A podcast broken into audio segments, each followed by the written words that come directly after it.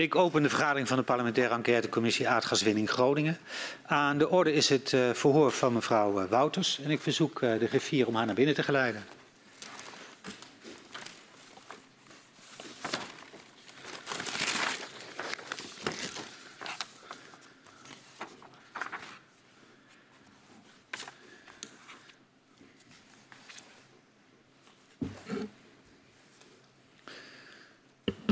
Welkom, mevrouw Wouters, bij de parlementaire enquêtecommissie Aardgaswinning Groningen.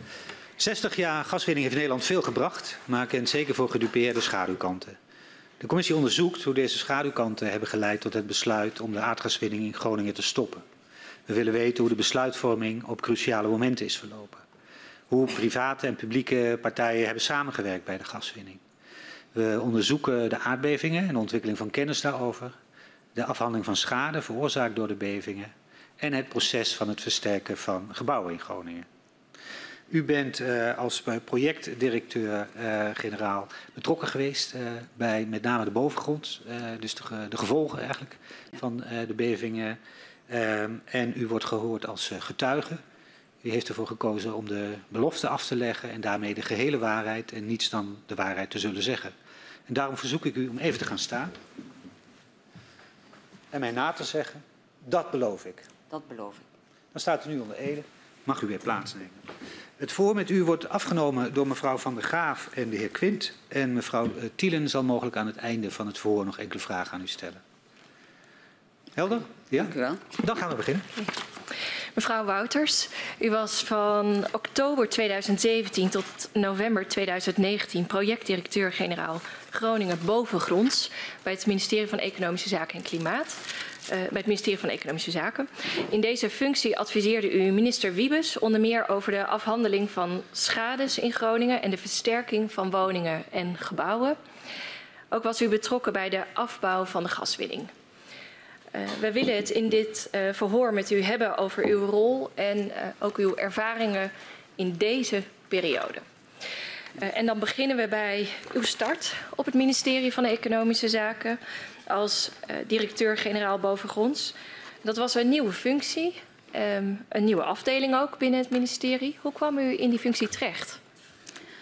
Uh, ik ben daarvoor gevraagd. In uh, de eindfase van de formatie was duidelijk dat er in het regeerakkoord iets zou worden opgenomen over Groningen. En ik ben toen gevraagd door de SG van, van EZK of ik beschikbaar was om dat een tijdje te gaan doen. Het zou een tijdelijke functie zijn en dat was van tevoren duidelijk. Alleen wat ik moest gaan doen was toen nog niet duidelijk.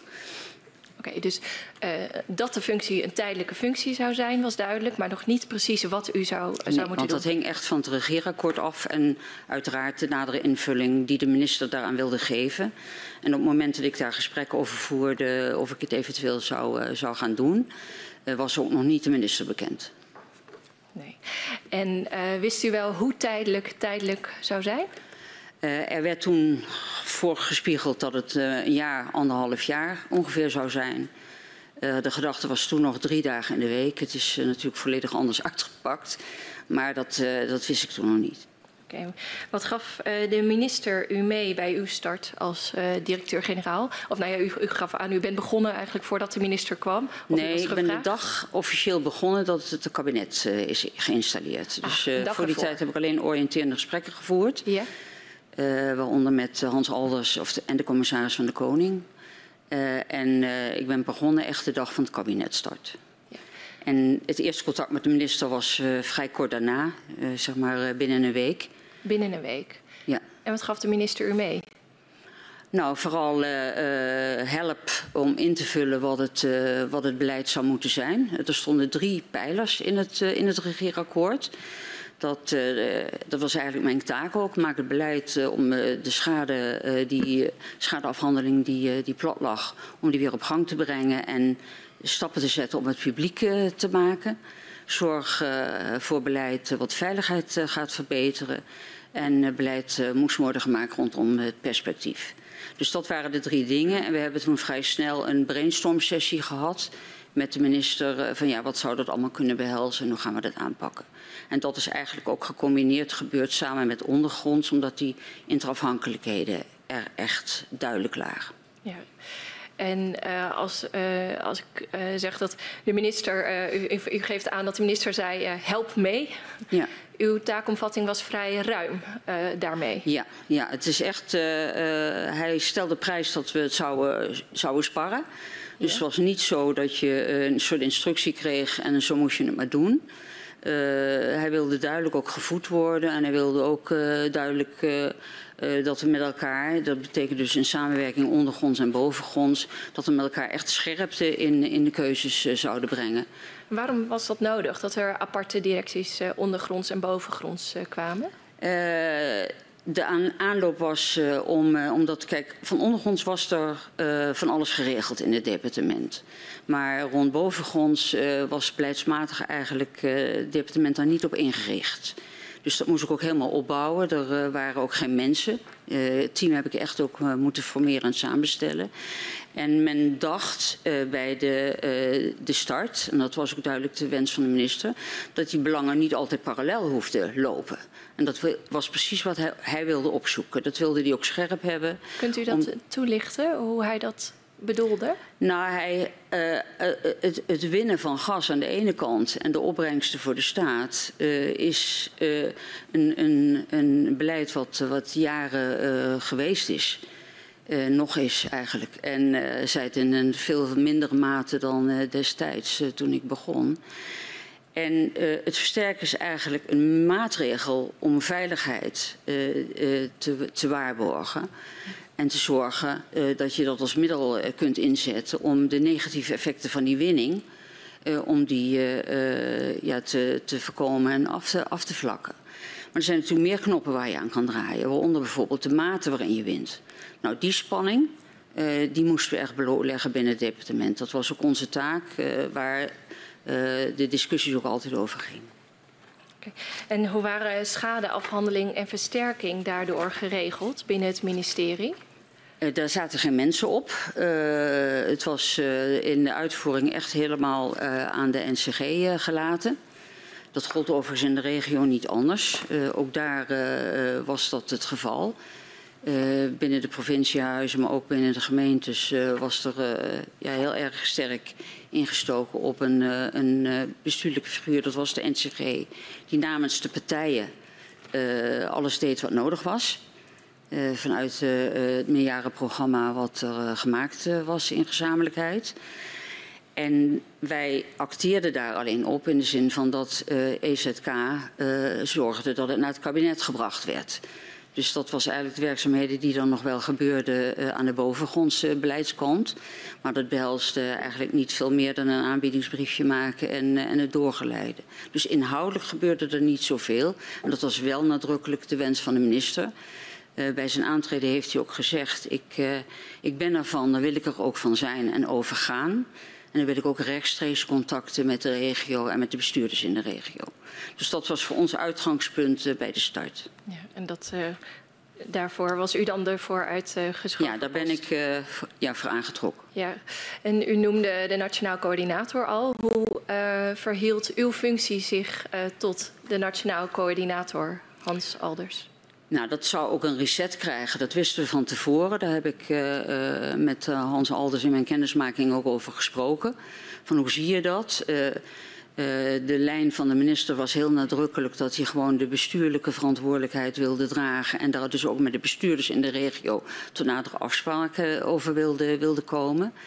En dat betekende dat dat in ieder geval vrij duidelijk snel duidelijk was dat hij daar een eigen circuit op wilde. Wat hij ook overigens besproken heeft. Wat bedoelt u daar precies? Een, een eigen, eigen, eigen overleg met de regio. Een eigen overleg met Eigen de overleg met de regio. Ja. Uh, en niet een getrapt overleg zoals dat was voorzien in het meerjarenprogramma. Uh, zoals het uh, vanuit de NCG was gemaakt. En dat was ook in het kennismakingsgesprek wat, wat ik had met de CDK voordat ik aantrad, is dat ook al uh, benoemd. Dat van de kant van de regio dat ook uh, gewenst uh, werd. En dat is in het kennismakingsgesprek tussen de CDK en de minister ook al gelijk van de gewisseld. de heer Paas. Ja, ja? ja, de heer Paas ja, is ook al gelijk gewisseld. Van nou, als we dan op, uh, ja, met elkaar een nieuwe relatie aangaat vanuit de teksten zoals uh, als die in het, uh, in, de, in het rapport of in het regeerakkoord stonden, dan willen we daar ook gewoon met elkaar het overleggen direct over aangaan. Dus dat was hoe, het, hoe het startte. En ik ben natuurlijk gelijk begonnen om mensen naar mij toe te halen. En, en daar heb ik voor een deel ook mensen aangetrokken die bij de beleidsdirectie in Den Haag zaten van de NCG. Ja. Want je had een eigen beleidsdirectie in Den Haag, die de, het relatiemanagement deed, de andere departementen. En dat gingen wij natuurlijk doen. Uh, dus ik heb niet alleen maar nieuwe mensen aangetrokken. Uh, het leek mij ook verstandig om waar kennis zat om die te gebruiken. Dus vandaar dat er ook een deel een personele overstap geweest is vanuit de beleidsdirectie van de NCG in Den Haag naar zeg maar, het team Groningen bovengronds, zoals dat binnen EZK werkt. En hoe groot was dat team ongeveer bij aanvang? Ja, dat, het moest opgebouwd worden. Dus in het begin was een handjevol mensen. Later werden het uh, 10, 15. Het is een beetje op en neer geademd uh, met, mee met de drukte. En uh, ja, dat werd uh, zo tussen de 10 en de, en, en de, en de 20 heeft dat telkens ja, zich bewogen. Dank u wel. En u zei net al, um, een van de pilaren van waar u mee aan de slag moest uh, was het vlot trekken van de schadeafhandeling. Uh, ja. Dat ligt dan al enige tijd stil. Vanaf maart 2017 is het schadeprotocol dat daarbij moet helpen, is opgezegd. Uh, en vanaf december 2017 spreekt u uh, met bestuurders in de regio over hoe die schadeafhandeling eruit moet gaan zien. Ja. Dus dat ligt dan al ehm, negen maanden stil en de gesprekken daarover hebben nog geen resultaat gehad. Waarom duurde dat volgens u zo lang? Nou, het is allemaal van voor mijn tijd. Hè. Kijk, het is door de NCG op een gegeven moment is de stekker eruit getrokken. Uh, toen lag het echt, uh, echt stil. Uh, dat merkten wij later ook toen we het overnamen, zeg maar. wij zijn eerst begonnen met te kijken wat de wensen waren, wat er al lag. want er werd ook door de regio gezegd, er ligt eigenlijk al een schadeprotocol. Nou, er waren teksten met, met intenties. Uh, we hebben op een gegeven moment daar bestuurlijk over gesproken. In de eerste, zeg maar, eerste overleg uh, van de minister met de regionale partijen uh, is het erover gegaan. En het was ook heel duidelijk dat iedereen zei van ja, dat is het eerste en het belangrijkste dat dat weer op gang komt. Ja. toen heeft in het overleg, bestuurlijk overleg, heeft de minister gevraagd: vinden jullie het goed als ik een voorstel doe? Omdat ja, over teksten praten is één, maar een protocol maken is toch, toch iets anders. Uh, dus toen heeft hij dat aanbod gedaan en dat is uh, ook, uh, ook aanvaard door de regio. En toen hebben wij met storm en kokend water, met de juristen en iedereen erbij, gewoon een heel weekend zitten broeden op hoe moet het er dan uitzien. Uitgaande van de signalen die we hadden, wat er ongeveer in moest. Maar ook vanuit de vereisten, als je het publiek wil maken, want dat wilden we dan, wat er dan in moet komen te staan. Waarom? En, dat voorstel is uitgewerkt. Hoe, hoe kwam u tot dat uh, besluit? U zegt zelf, uh, toen wij aanschoven, zei de provincie tegen ons, ja, er ligt al iets klaar. Ja. Toch is er besloten om daar niet mee verder te gaan.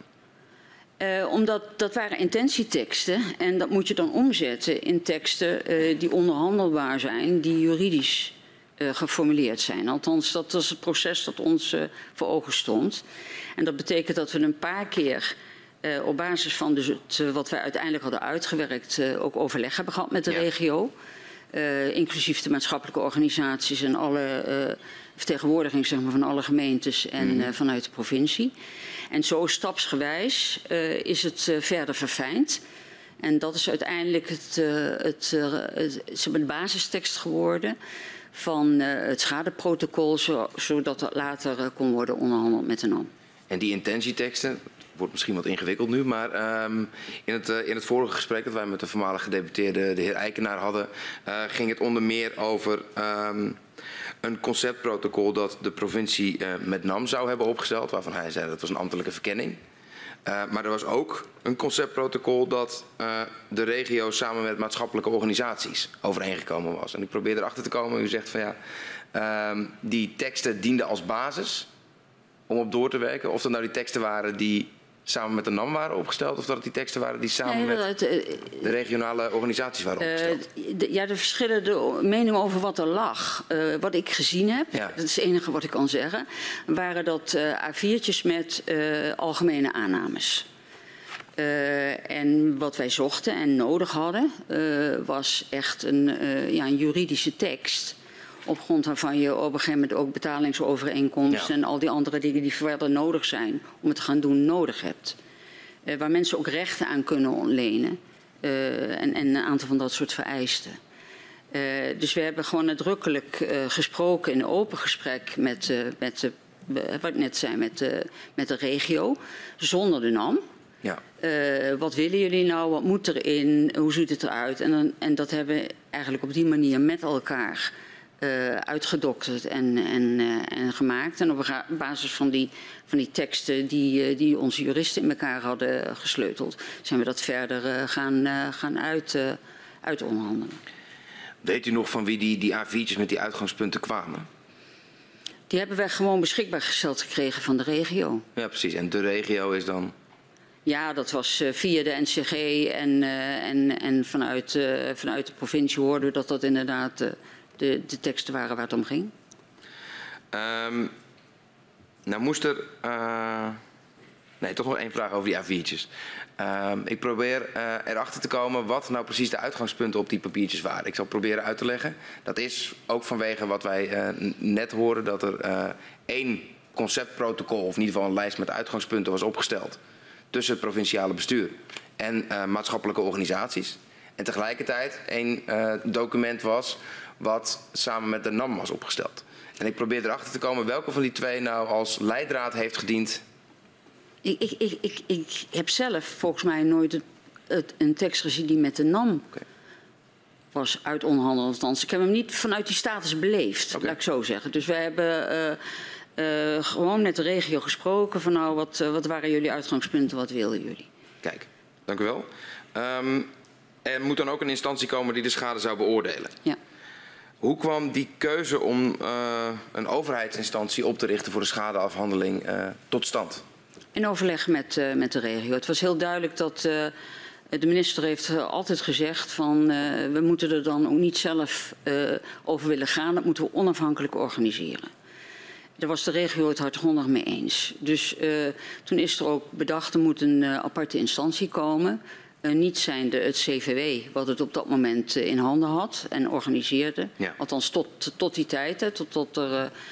eh, totdat het schadeprotocol plat lag, waren ze er nog van, maar toen deden ze er niks meer, meer aan. En we willen dat, dat het ook bemenst wordt met mensen die onafhankelijk kunnen oordelen. Dus dan moet een bestuur op die, die die verantwoordelijkheid kan dragen en dat ook waar kan maken. Zodat mensen zich gehoord voelen, terecht kunnen bij een loket waar je ervan verzekerd weet dat eh, er geen minister of een gedeputeerde of een, eh, of, of een wethouder of wie dan ook over de besluitvorming gaat, dat dat een onafhankelijke instantie is die dat eh, net als een rechter doet. Was er veel discussie over die keuze? Zijn er ook uitgebreid alternatieven besproken in die fase?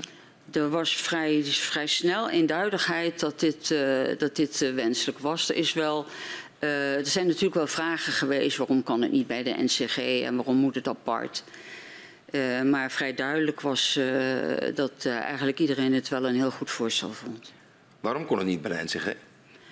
Omdat de NCG in de uitvoeringsorganisatie van het ministerie was.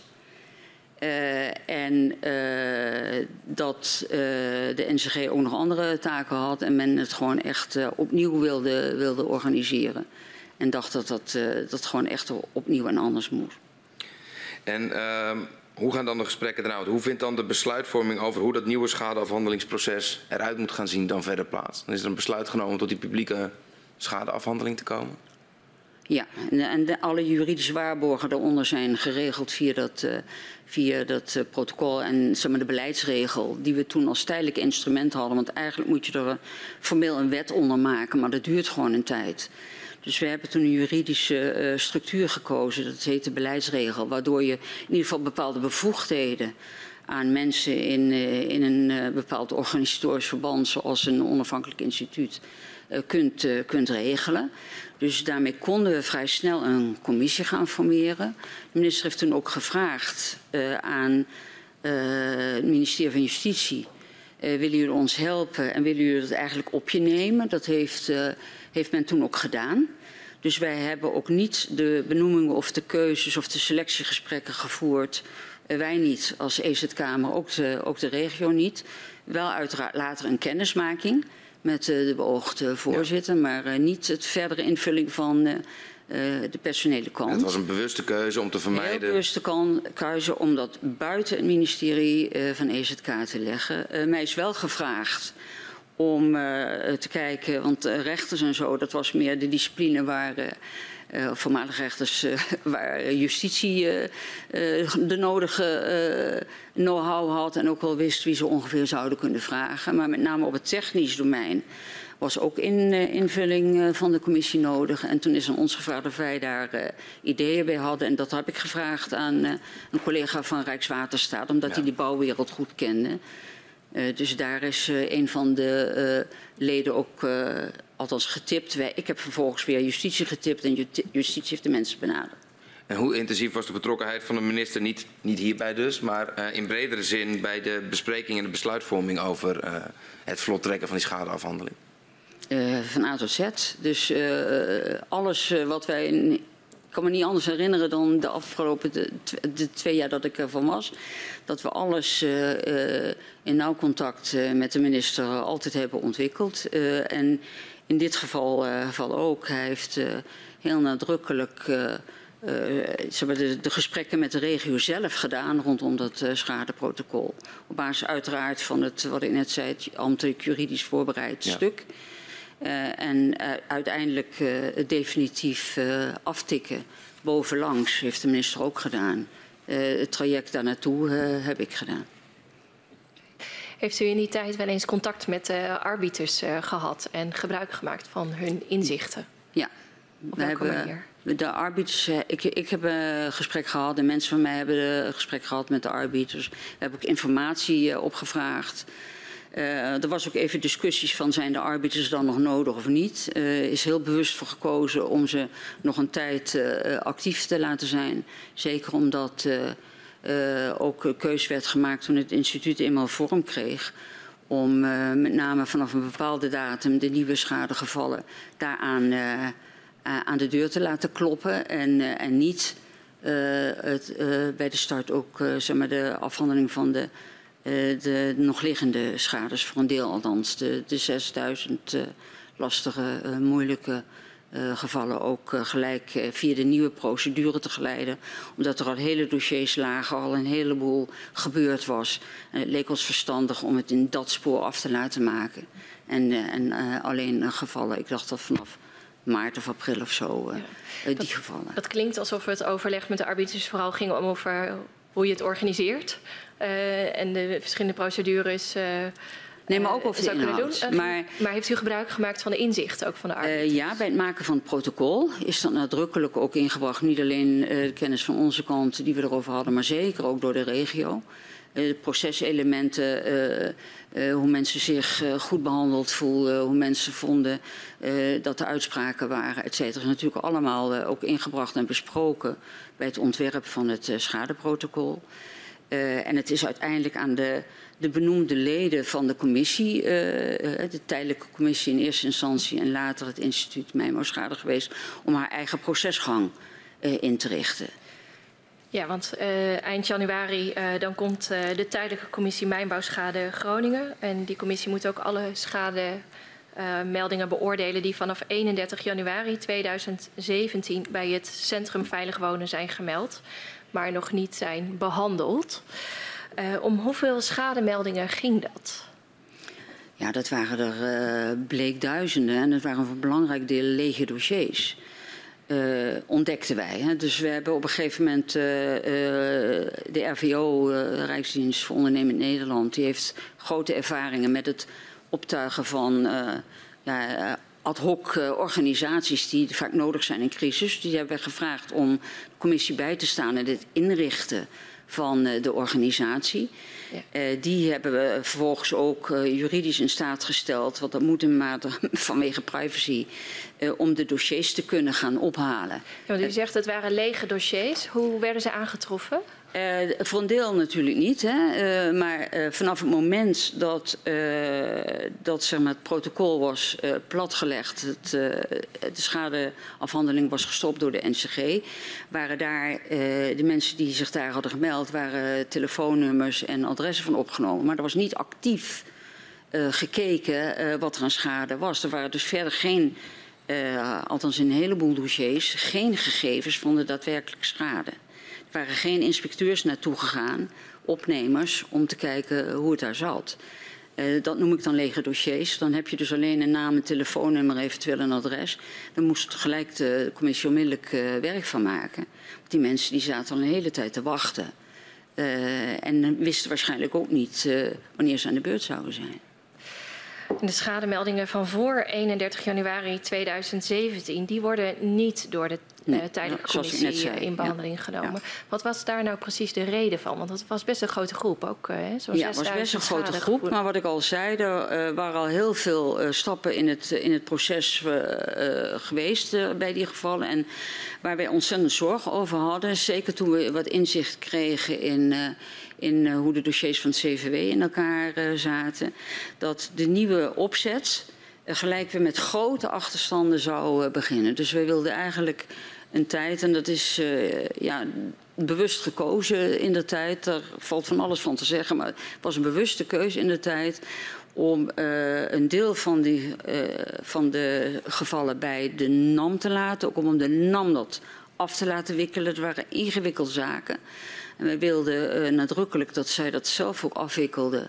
Uh, er is wel bij afgesproken dat de commissaris van de Koning en de minister het nauwlettend zouden volgen. Er zijn ook gesprekken over geweest.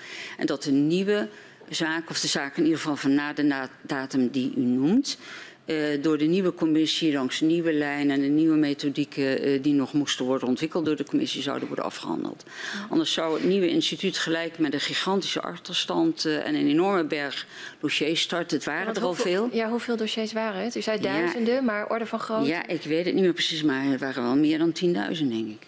Dat denkt u? Ja, dat, dat dacht u ook op dat moment? Ik, ik, weet het niet meer precies. Nee. Um, Oké, okay. en dat uh, ging dus ook uh, vaak om complexe schades. Uh, Die zaten er ook tussen natuurlijk. Ja. ja. Um, u zei al iets hè, over hoe de dossiers werden aangetroffen, soms alleen NAW-gegevens en dat er geen opnames nog waren gedaan. Um, welke afspraken waren er met het Centrum Veilig Woningen over de overdracht van de meldingen? Uh, er is uh, op een gegeven moment geprotocoleerd, dus met, uh, met juridisch waarborg omgeven, is de RVO naar het, het, CVW gegaan om de bol op te halen.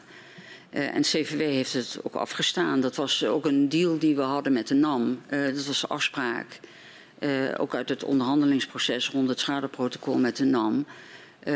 dat zij moesten zorgen dat het CVW die gegevens beschikbaar zou stellen aan de nieuwe organisatie uh, die nog in de maak was.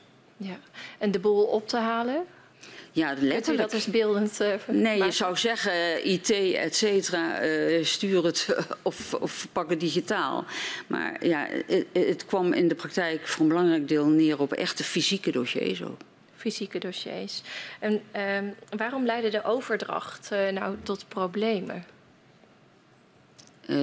Van die dossiers? U raakte al even aan de IT.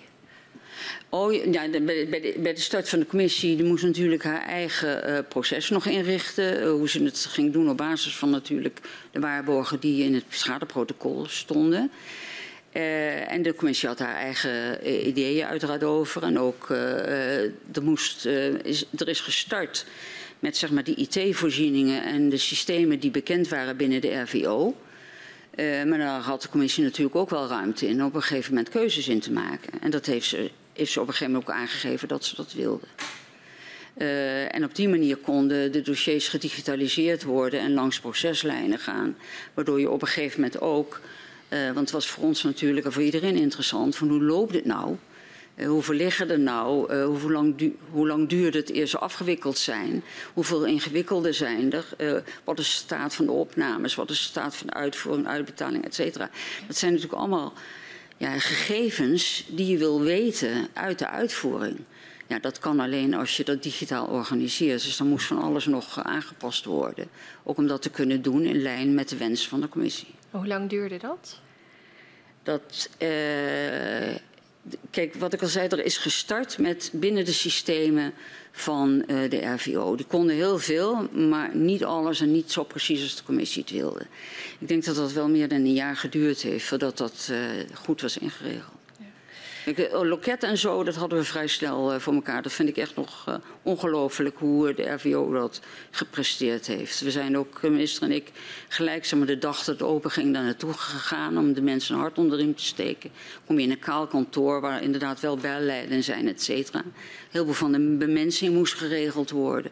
Nou, ik vond het ongelooflijk hoe, hoe het heeft kunnen starten. En natuurlijk moest het allemaal beter en meer. En, ja. Uh, het, het, het, loket was er snel, maar voordat mensen echt daadwerkelijk werden geholpen, dat duurde. Ja, dat is altijd bij, uh, bij zoiets. Daar ja. kun je niks aan doen. Het is wel gepoogd uh, met alle hens aan dek om dat zo snel mogelijk in te regelen, maar dat kost altijd tijd. En wanneer was dat bekend dat die, ehm, dat die schademeldingen niet meer behandeld waren door het Centrum Veilig Wonen? er lag geen protocol onder, er lag geen afspraak meer onder. Uh, nadat het opgezegd was uh, door, door, de NCG. Uh, dus ze hadden ook geen instructie om, om verdere stappen te zetten. Was, was dat meteen bekend? Of, nou ja, ik denk niet dat mensen zich dat altijd even goed gerealiseerd hebben. Dat dat consequentie was. Wanneer realiseerde u zich dit? tegen mij? Ja? Ja, ik wist dat het plat lag. ik wist alleen niet hoe die dossiers eruit zagen. En dat wisten, daar kwamen wij pas achter uh, toen de RVO daar kon gaan kijken. Ja. En uh, u gaf net aan bij de start van het TCMG, de, de tijdelijke commissie, toen lagen er die duizenden schadegevallen. U zei, het zouden er best wel eens meer dan 10.000 kunnen zijn geweest. Is dat nou ook het grootste obstakel geweest om die niet meteen mee te geven aan het TCMG om af te wikkelen? Die zijn wel naar. Dus de, de, degene die vanaf 1 januari eh, de datum die noemde. Ja, nee, daarvoor. Die, die periode daarvoor. Ja, de die periode grote, daarvoor, dat waren, nee, dat waren er 6000. Dat waren er 6000. Ja, die, die, zeg maar, de oude gevallen, zoals ze dan uh, heel ondiplomatiek heten, uh, dat waren er 6000. En waar, uh, welke dossiers waren dan die 10.000? die andere. Die vanaf 31 ja, januari 2017. En um, hoe, hoe, kijkt u daarop op terug? Uh, op, op, dat, uh, op dat jaar zeg maar, met die enorme werkvoorraad en de start van het TCMG? Hoe reëel ja, was het ja. dat zij die. Ja, het, het was niet anders. En, en we hebben ook een paar keer een, een, een stuurmeerregeling later gehad. om op een andere manier toch sneller dossiers af te kunnen doen. Want ja, de grond bleef ook niet stilstaan. Dus er ontstonden ook nieuwe bevingen. En die leverden weer een, een hoos aan nieuwe aanvragen op. Dat is logisch. Dus het was ook geen stabiele startomgeving die je uh, snel kon afwerken in een tijd uh, die daar verstelde. Er kwamen telkens nieuwe aanvragen. En ook toen duidelijk was dat de commissie aan het werk ging, kwamen ook mensen die hun aanvraag eigenlijk hadden opgehouden en niet hadden ingediend, die kwamen ook uh, zich melden, wat ook logisch is. Ja. En nou... Dus ineens had je een enorme pieken in, in de, in de maar, voorraad die, die bij, bij TCMG moest worden afgewikkeld. En een van, de andere, een van de andere hoofdonderdelen van uw taakomschrijving was het verbeteren van uh, de uh, veiligheidssituatie van ja. inwoners in uh, Groningen. Dus dan gaat het minder over de schade en meer over de versterking. Ja. Um, hoe was volgens u de veiligheidssituatie in Groningen toen, toen, u, toen u aantrad? Wat waren de acute risico's?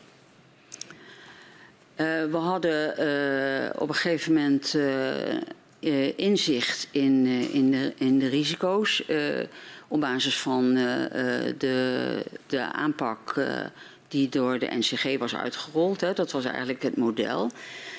Maar ja, van jaar tot jaar werd opnieuw bekeken hoe het zat met, met de veiligheid in Groningen. En op een gegeven moment waren er beelden uitdraaien waaruit bleek dat een groot deel van de onveiligheid niet binnen de aanpak zat van het gebied, althans niet binnen het gebied waar de NCG aan het werk was. Dat verontrustte ons zeer. Dus dan, uh, daarmee bedoelt u dat er veel huizen buiten het gebied waar de NCG bezig was ook acuut onveilig zijn of konden zijn? Nou, in ieder geval een risicogehalte hadden uh, die, uh, die eigenlijk nodig maakte dat, uh, dat daar naartoe gegaan werd en werd gekeken wat er aan de hand was. Wie maakte die inschatting? Dat, dat zijn natuurlijk adressen, daar wonen mensen, daar wonen gezinnen. Die hebben op een gegeven moment natuurlijk behoefte aan duidelijkheid over een huis.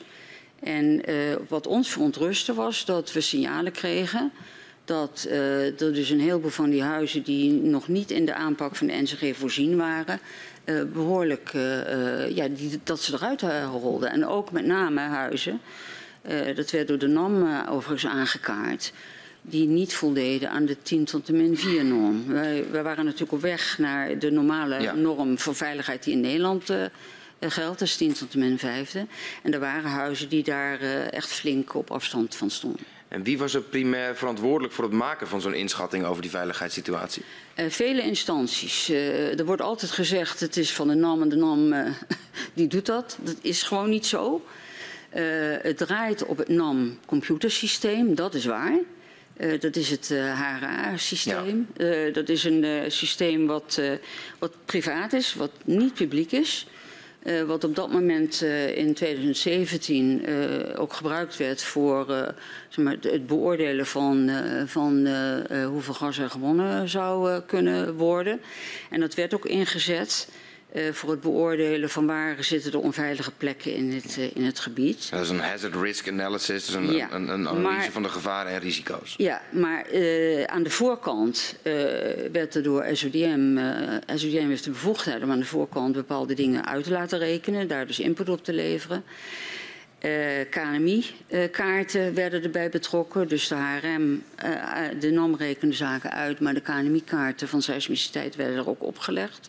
NEN het TNO vanwege de begrijpelijkheid van de ondergrond. Dus een heleboel partijen uh, die, uh, die werden betrokken bij de uiteindelijke beoordeling van wat er, uh, wat er te doen stond.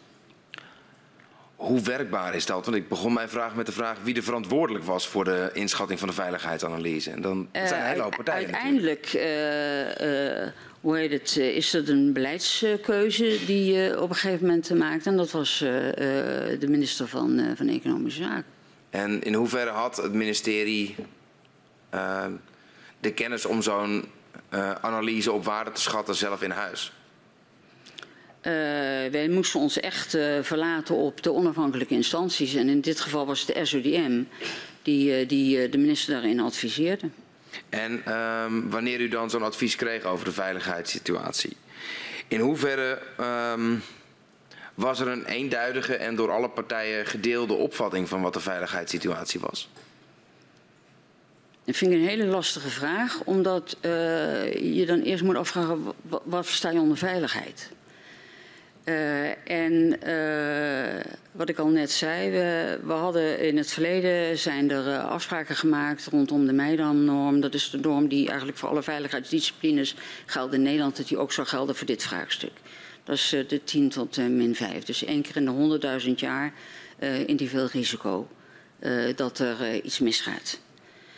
Um, we hebben op een gegeven moment uh, uitdraaien gevraagd van hoe ligt het, uh, ja, hoe, hoe, staat het met de veiligheid? En dat zijn uh, uitdraaien geweest die ook gebruikt zijn door de Mijnraad. Op een gegeven moment heeft de minister gezegd: ik wil gewoon een onafhankelijk advies. wat ons te doen staat. Nou, dat is de, aan de Mijnraad gevraagd, maar we hebben een bijeenkomst toen gehad. Uh, met de minister, met zowel uh, KNMI erbij, uh, mijn raad, de SODM, NEN, TNO, waarbij ze een opdracht hebben gekregen om te kijken wat er, wat er nodig was na, na, na aanleiding van het besluit. Uh, van het kabinet om toch versneld de, de gaskraan ja, precies. te gaan Dit is pas na het nulbesluit. Want ja, dat is daarna gebeurd. Tot die tijd uh, waren het gewoon reguliere uh, jaarlijkse uitreizigers ja. die gebruikt werden voor de, voor de winningsafweging. En daar is later dus bijgekomen dat er, dat er ook een nadrukkelijke afweging nodig was voor veiligheid ja, in het kader van de besluitvorming. Die fase komen we, komen we straks ja. nog, nog even op terug. Um, voor nu, hoe keken in die beginfase de andere betrokken partijen tegen de veiligheidssituatie in Groningen aan? U zei net zelf al, het ligt er een beetje aan hoe je veiligheid definieert. Ja. De NCG had soms zijn eigen opvatting van hoe de versterkingsoperatie eruit zou moeten zien. Um, wat waren een beetje de, uh, de meningsverschillen over het karakter van de versterkingsoperatie zoals die in Groningen plaatsvond? Nou, de, er is natuurlijk gestart vanuit uh, de verwachting dat er uh, op een redelijk hoog winningsniveau een soort stabiel patroon zou zijn. De, toen het kabinet startte, was er voorzien dat er afgekoerst zou worden op een wel steeds dalende winning, maar pas nul in 2030. Uh, en de lijn was ook steeds dat SODM altijd gezegd heeft: ja, zo onder de 12, dan neemt de veiligheid toe. In ieder geval, daar kun je op vertrouwen dat het, dat het dan veiliger wordt. Maar we wisten ook dat zo lineair de bodem zich niet gedraagt. Dus we wisten ook dat er patronen uh, hoe in het gebied de bevingsgevoeligheid uh, van de grondsoort ook zou zijn op bepaalde plekken. Dat dat uh, niet daar één op één lineair vanaf te leiden was. Wisten ook dat het zich aan het verplaatsen was in het gebied. Daar hadden we indringende signalen uit het model over. Dus als je dan kijkt uh, hoe het gestart is, de, de, hele Mejara-programma, dat was echt vanuit het beeld er zal nog een hele tijd behoorlijk wat winning zijn. Dat betekent dat er ja, substantiële onveiligheid in het gebied te verwachten is. En met de berekeningen van 2015, zeg maar, waar, de, wat de basis is onder het, onder het meerjarenplan, was ook voorzien. Maar dat dat betekende dat de huizen substantieel versterkt zouden moeten worden. en dat kwam in veel gevallen neer op sloopnieuwbouw. Nou, vanuit die gedachte is die gebiedsgerichte aanpak in het centrum van het gebied van Loppersum en dan steeds verder in ringen naar buiten werkend bedacht. Alleen uh, bij besluitvorming en bij lagere winning uh, krijg je andere patronen.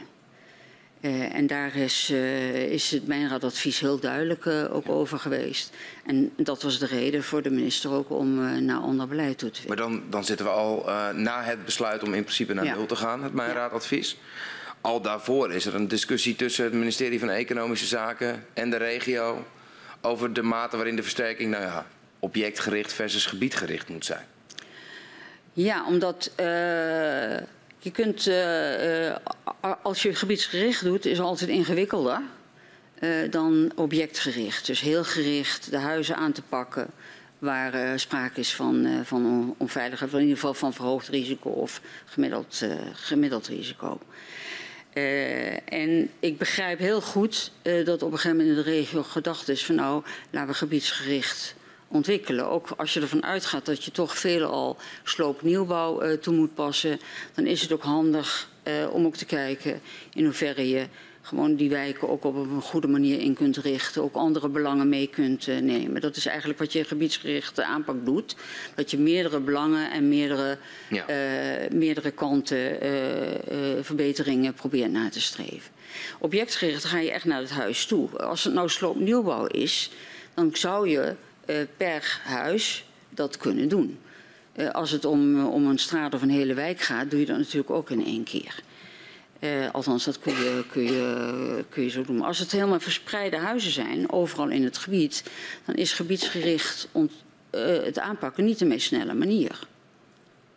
En, dus en daar was de discussie over. Precies, en, en, en bij, die, uh, bij die discussie benadrukte EZ of benadrukte u primair het belang van zo snel mogelijk op die veiligheidsnorm zitten? Ja. En waren de lokale bestuurders meer van de school van laten we kijken wat we gebiedsgericht kunnen. Ja, en, en vanuit de gedachte dat je toch heel veel moet doen, uh, schuurt dat niet. Nee. Maar als je daar uh, verwachtingen hebt dat het anders ligt, dan, uh, dan is gebiedsgericht een, een in potentie ingewikkelder en veel tragere manier dan, uh, dan objectgericht.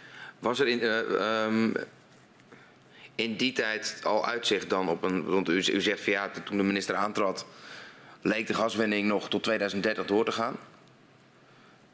Um, wat was de, de reden dat EZ toch al vanaf het aantreden van de minister uh, op die objectgerichte uh, aanpak sturen? Nee, er, was, kwam nog bij dat uh, de vormgeving van de aanpak, zoals die door de NCG was uitgerold, was er een die enorm naeilde op de daadwerkelijke winningsniveaus. er werd gewerkt met vastklikken, dus op het moment dat je ja. huis werd uh, geïnspecteerd en werd opgenomen wat er zou moeten gebeuren. Dan werd het ook vastgezet. Ook al was de daadwerkelijke uitvoering, uh, dat er een bord staat in de wijk en hier wordt gewerkt ja. en er wordt ook echt gebouwd en gedaan. Uh, dan ben je zo jaren verder. Nou, de, de gaswinning ging sowieso al, ook in de oorspronkelijke aannames en scenario's, toch goed om, omlaag. waren al, allemaal plaatjes omlaag. Dus dat betekende dat je uh, eigenlijk op het moment van realisatie uh, eigenlijk uh, veel zwaarder aan het versterken bent dan strikt genomen nodig is vanuit de veiligheidsoptiek van, van dat moment. Dat kan je nooit helemaal voorkomen, want er zit altijd een tijdspanne tussen zeg maar, beslissen wat je wil doen,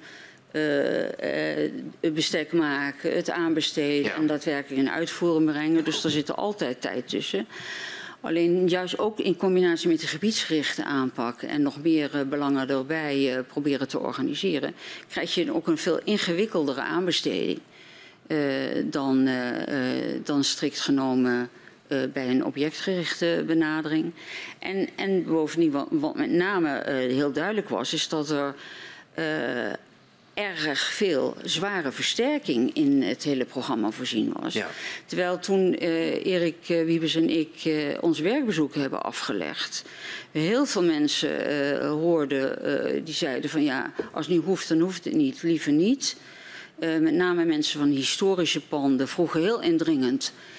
Help ja. ons pand de tijd doorstaan. Dus er was ook een roep vanuit de regio richting de minister. Moet het allemaal wel op deze manier?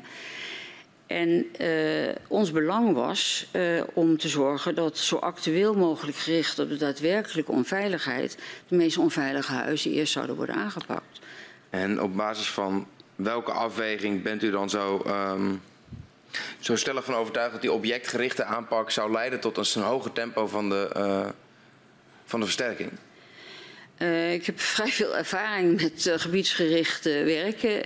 en als het een uniforme opgave is, dan kun je ja, in, de, in de aanbesteding ook vrij goed dat doen. En als je weet waar je andere fondsen vandaan moet halen, is dat ook ja, is het ingewikkeld. Maar het is, het is wel te doen. Maar als het verschilt, uh, en in het geval uh, als, als je minder wint en er is ja. minder bevings, bevingen in, in, de, in, de, in, de, in de bovengrond en daarmee een veiligere situatie, ja. ook voor de huizen, dan heb je het niet meer over sloopnieuwbouw. Dan heb je het over maatregelen puur aan het huis zelf. En dat was niet dat zijn lichtere maatregelen. En dat betekent dan, dan minder voor de hand ligt om ook de hele wijk op de schop ja. te nemen. Als je zegt, ik, ik, kan het volstaan met in het huis een aantal maatregelen te treffen. En hoe komt het dat uh, de nationaal coördinator, maar ook uh, de provincie, uh, nou ja, minder overtuigd waren van die redeneringen? Toch, toch wel meer het, het, het gebiedsgerichte karakter van uh, de versterking benadrukte? Ja, omdat uh, uh, er op, op het moment, zeg maar, de eerste periode, uh, dus voor het kabinetsbesluit, wat al vrij snel is genomen, dus in, in, in maart, maart. was dat. voor die tijd er niet het vertrouwen was dat, dat daadwerkelijk die gaswinning ja, omlaag zou gaan. Of in ieder geval in behoorlijk tempo omlaag zou gaan. Dat stond wel in het regeerakkoord. Uh, maar ja, dat vertrouwen was er niet. Dus uh, eerst zien dan geloven uh, houding. Minister Wiebes kondigt dan op 29 maart 2018 aan dat de gaswinning op een zo kort mogelijke termijn in het Groningerveld wordt beëindigd. Um, en u bent heel nauw betrokken bij de voorbereidingen van dat besluit. Ja. Um, vanaf welk moment was die mogelijkheid om de gaswinning helemaal te beëindigen in beeld?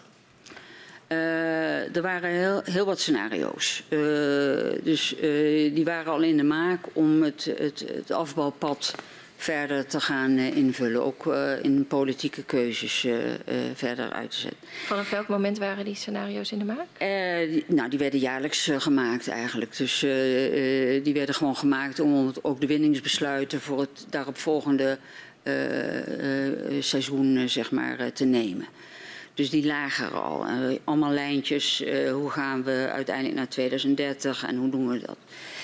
Uh, de minister zelf is naar aanleiding van de werkbezoeken en de indringende gesprekken ook met, met bewoners op een gegeven moment gaan opperen van ja, moeten we niet sneller, nog sneller omlaag. En die scenario's zijn we toen ook gaan doorrekenen. Dus er is uh, toen, uh, toen, gekeken uh, van hoe zijn die afbouwpaden dan? Wat betekent dat voor de seismiciteit? wat betekent dat aan alle kanten? Dus we hebben allemaal rekensommen ook achter gezet. uiteraard ook met de landsadvocaten gesproken van wat betekent dat binnen de contracten die we hebben, et cetera, et cetera. Want, want dat zijn aspecten die meewegen. Wat ja. voor de seismiciteit, ja. contracten? Zijn er nog andere aspecten die meespelen? Ja, uiteindelijk uh, natuurlijk uh, ook uh, hoeveel gas laat je dan in de grond zitten, wat gaat dat kosten, komt er een, een schadeclaim op, al dat soort afwegingen. Maar ook uiteraard, wij waren als staat partner in het NAM-model. Dus aan de ene kant werd er vanuit de staat waren er inkomsten uit het model, aan de andere kant uitgaven in dat model. Nou, daar waren ook allerlei contracten onder uh, met, uh, met uh, oliemaatschappijen binnen dat NAM-verband. En in hoeverre speelt dan op dat moment de omvang van de versterkingsoperatie mee? Nou, op een gegeven moment is, is echt verkend van nou, wat betekent het als we naar nul zouden gaan, nog sneller dan eerst voorzien. Hè? Want wat ik al zei, het was 2013, de, 2030. En dat had puur te maken met het feit dat we echt indringend om ons netvlies hebben gekregen in die beginperiode.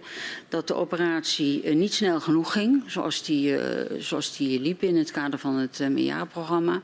Dat het nog tijden ging duren. Dat er heel veel huizen helemaal buiten die scope nog vielen. Die in de veiligheidsafweging onder risico stonden. Daar wonen mensen in. Die wil je zo snel mogelijk duidelijkheid geven over hun veiligheid in huis. En ook wanneer ze aan de beurt zijn. Nou, we verzagen niet hoe dat op tempo uh, uh, zou kunnen gaan gebeuren. Dus dat is een extra stimulans geweest in het denken. Over als je dan aan veiligheid wil werken, want dat was de kern van het vraagstuk. Versterken ze een middel om het te bereiken. Een ander belangrijk middel wat je kan hanteren is aan die gaskraan draaien. Uh, en in het kader van al die afwegingen die, uh, die ik net schets. En toen is op een gegeven moment heel nadrukkelijk en bewust gekozen van dat pad uh, gaan we politiek inzetten. Door en, welk, en welk pad is dat dan? Dat is het pad van de discussie over een regeerakkoord, wat je openbreekt. Uh, een discussie uh, met andere collega's over we gaan sneller naar nul. Dus het hele nulbesluit en alles wat daarbij komt kijken is toen als politieke lijn ingezet. Dat zijn wij toen ook ambtelijk gaan verkennen bij de collega's van andere departementen.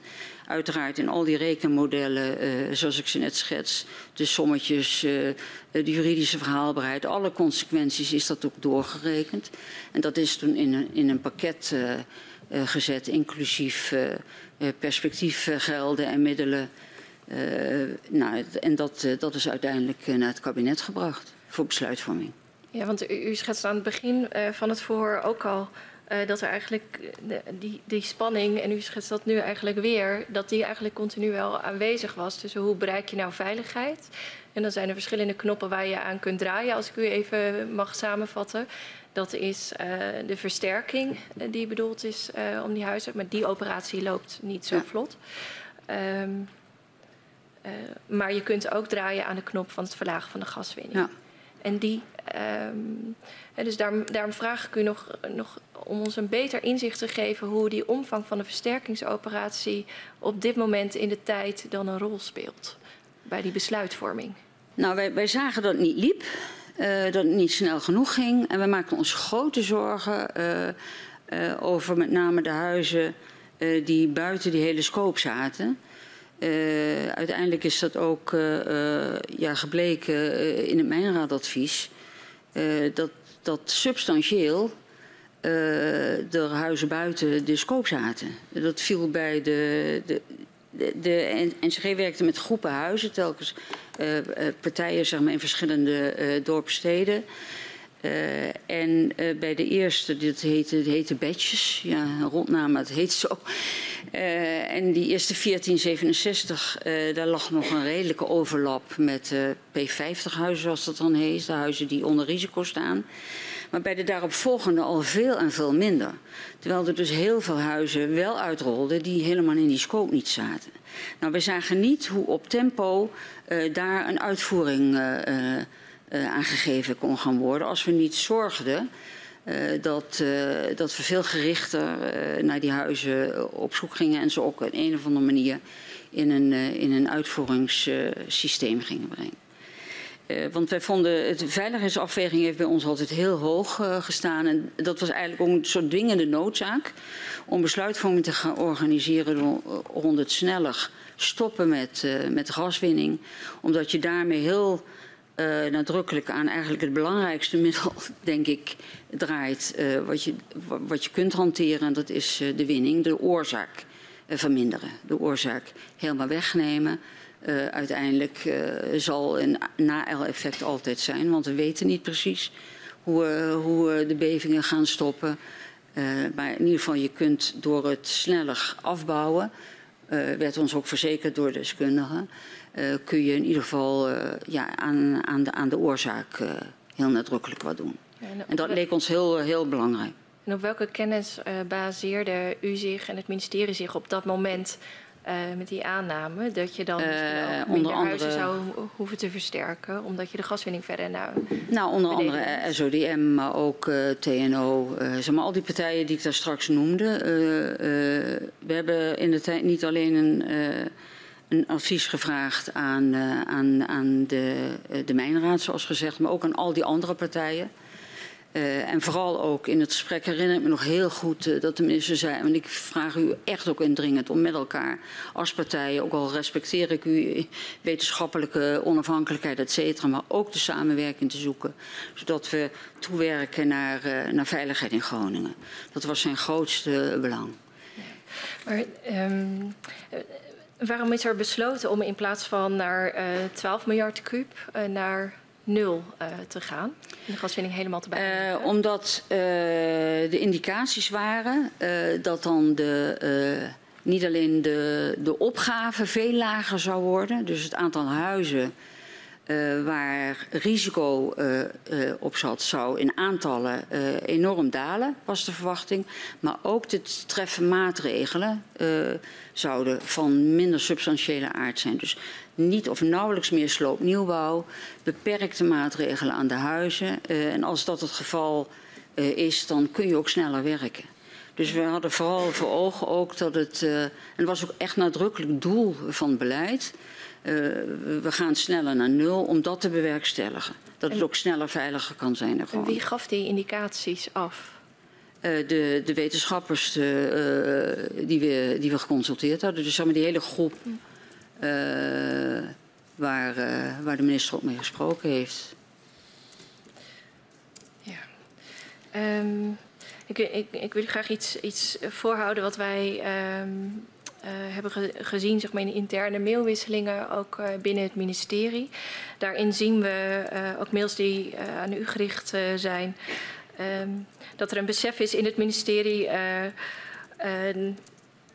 dat ze pas bij nul huizen uitkomen om te versterken als er ook helemaal geen gas meer gewonnen wordt. dat leiden wij daaruit af. Nou, dat um, zal denk ik niet gezegd zijn, want we hebben altijd geweten dat, dat er 0-0 uh, niet geldt.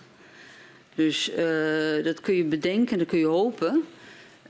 Maar we hebben, we hebben nooit in het scenario gezeten van 0 is 0. We hebben altijd verwacht dat er, dat er nog versterking nodig zou zijn, maar met hele althans wat, wat ons door deskundigen werd gezegd, met hele beperkte maatregelen zou je dat kunnen bewerkstelligen. En soms inderdaad, bij een heleboel huizen zou niks meer nodig zijn. wij krijgen de indruk dat uit de e-mails naar voren komt, of dat is de indruk die, die wij hierin lezen, is dat als je helemaal geen gas meer wint, dat dat, dat, dat ook uh, nou ja, financieel aantrekkelijk is. ik zei net al dat van alles, werden reken, van alles werden rekensommen gemaakt. Dus uiteraard zijn er ook rekensommen gemaakt over inkomsten van de staat, uitgaven van de staat, et cetera, et cetera. Dat, dat zat gewoon in het scenario denken. Uh, en bij al die scenario's zijn ook toetsen juridisch gedaan. Wat betekent het voor de belangen van de staat? En voor de eventuele juridische uh, claims die, uh, die mogelijk boven, boven de markt zouden hangen vanuit de oliebedrijven als partner in NAM. En welke rol heeft de opstelling van de regio hierbij gespeeld? Bij de uiteindelijke keuze? Ja, bij deze keuze. Want ik, ik zal even meenemen. Um, wij uh, zien in, uh, dat er in een verslag van het besluitvormend overleg in Groningen, 20 maart 2018, uh, dat u ook aangeeft dat die discussie, waar we het net ook over eh, hebben gehad, ook intern bij EZK wordt gevoerd. En dat de minister in contact met de regio de indruk heeft gekregen dat er geen politieke ruimte zit voor versobering van versterking, zolang er wordt gewonnen. Met een duidelijk perspectief op nul BCM-winning zou deze discussie wel gevoerd moeten kunnen worden. Dat wat er feitelijk staat, want zo, zo uh, lees ik het, uh, interpreteer ik het, dat, uh, dat we als we de gaskraan dichtdraaien, dat de werkelijkheid ook echt anders wordt. er was, zei ik daar straks al, nauwelijks vertrouwen dat we ons zouden gaan houden aan welk afbouwpad dan ook. Een markant nulbesluit was helemaal niet voorzien in de, in de, in de regeerperiode. Stond ook helemaal niet in het regeerakkoord.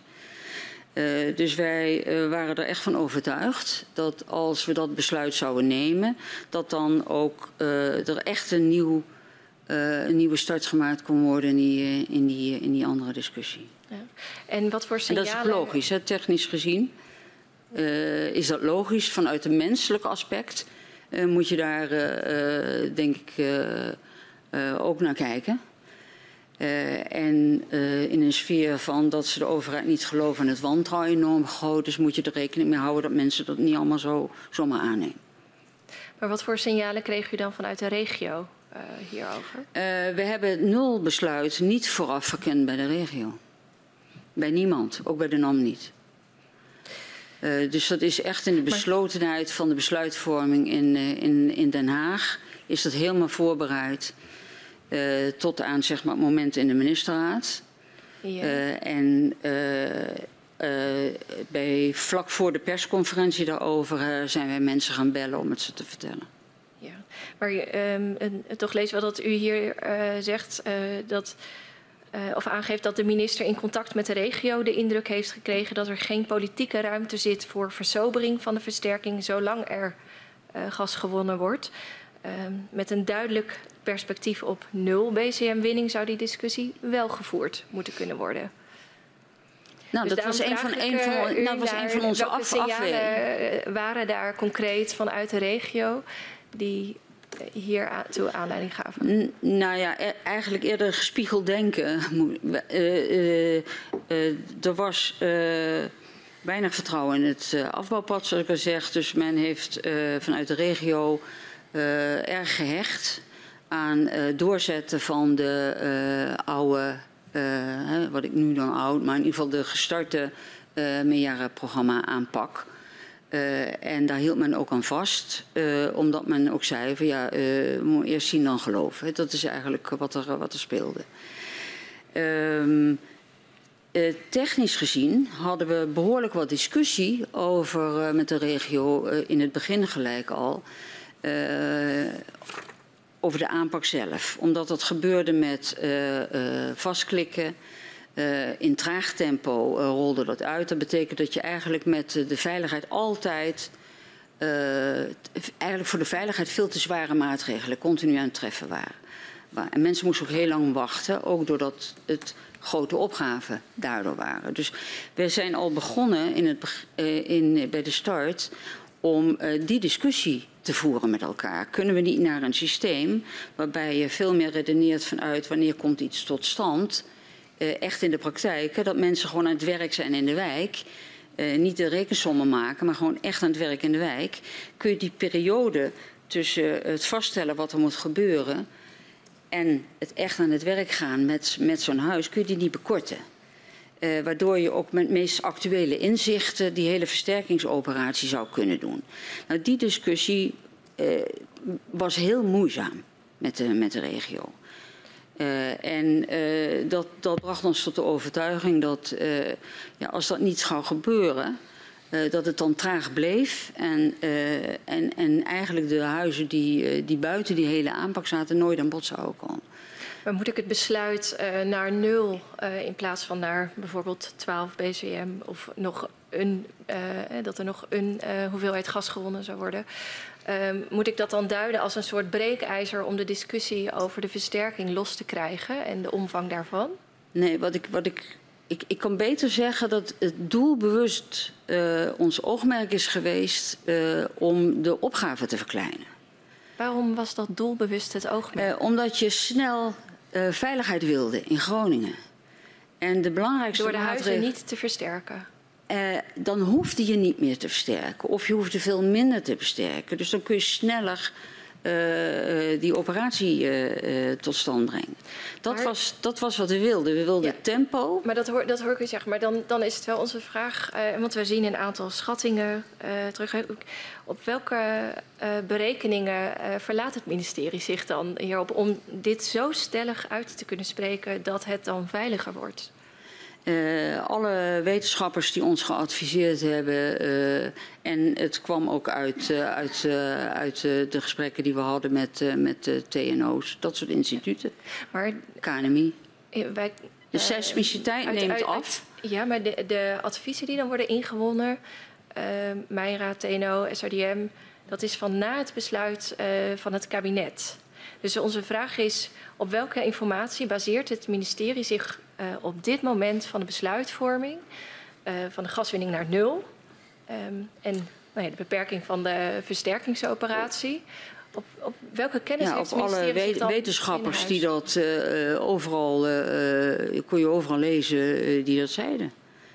Uh, maar ook uh, de instituten, SODM heeft ook uh, altijd gezegd dat, dat, dat hoe minder je wint, hoe minder seismiciteit zou zijn. Hoe het precies uitfaseert, dat kon niemand precies zeggen. Maar het instrument van minder winnen was een van de meest zware instrumenten die, die je in kan zetten om snel veiligheid te krijgen. dat is altijd de lijn geweest. Dat was ook de reden uh, waarom het afbouwpad uiteindelijk is gekozen. Want anders uh, was er wel jaren uh, vanuit de inkomsten geredeneerd op hoog niveau gewonnen. Maar het was al heel bewust gekozen voor die afbouw vanuit het veiligheidsargument. Dus er waren vele wetenschappers die, die hebben aangegeven dat er minder gewonnen moest gaan worden in Groningen vanuit het aspect veiligheid. Dus wij wisten dat dit een, een heel zinvolle ingreep zou zijn. En, en de uitkomst zou dan zijn dat het minder uh, onveilig zou worden. En dus ook dat, uh, dat, wat ik net schetste, de operatie kleiner zou kunnen. Ja. De uitvoering. En om minder huizen zou gaan. Dus minder gezinnen die het raakt. En uh, je zou sneller kunnen werken, want het zou om minder zware maatregelen gaan. En de informatie waar het ministerie zich dan op uh, baseert, uh, op dat moment, dat is eigenlijk het inzicht dat als je minder wint of helemaal niet meer uh, wint, dat, mensen, dat je dan ook minder hoeft te, te versterken. Ja. En dat dat voldoende veiligheid zou kunnen bieden. Maar de adviezen, ja. uh, zoals u ze zojuist aanhaalde, die daartoe richting aangaven, die kwamen pas na het besluit. Nee, we hebben toen heel gericht uh, gevraagd: wat betekent dit nou? Uh, dus wij wouden een gerichtere validatie van deze meer algemene aanname. Uh, want dit was een algemene lijn, maar hoeveel precies uh, dat wilden we gewoon scherp hebben. Uh, en dat was die opdracht die we gegeven hebben aan die instellingen. Van kijk nou wat het effect is. Want als de versterking nodig is, moet het gewoon gebeuren. Uh, kijk nou of het klopt, die generieke aannames die onder en achter dat besluit zaten. Uh, waar komt dat nu op neer? Waar leidt dat toe? Uh, hoe ziet dat eruit? En daar wilden wij onafhankelijk advies over. En dat was dus mijn raadadvies, maar tevens het advies wat we gevraagd hebben aan al die partijen op hun deskundigheid. En uiteindelijk hebben die adviezen ook gehad en die zijn ook betrokken bij de keuze voor het vervolgproces van de versterking. En um, de, de, schattingen, hè, want we zien um, uit interne e-mails van het ministerie van Economische Zaken dat er, um, nou ja, zo'n, dat het zou gaan om zo'n 20.000 te, te, versterken woningen. dat zien we als getal uh, rondgaan in de interne e-mails. waar waren die schattingen op gebaseerd? 20.000? Ja, 20. Eh, op dat moment, uh, dat, dit is voorafgaand aan de besluitvorming, zien wij in de e-mailwisselingen intern op het ministerie uh, dat er wordt uitgegaan van nou ja, grote overlast en dat het zou gaan om 100.000 schades tot nu toe. Um, en mogelijk uh, dat er zo'n 20.000 te versterken woningen, uh, dat dat de orde van grootte is waar rekening mee wordt gehouden op dat moment.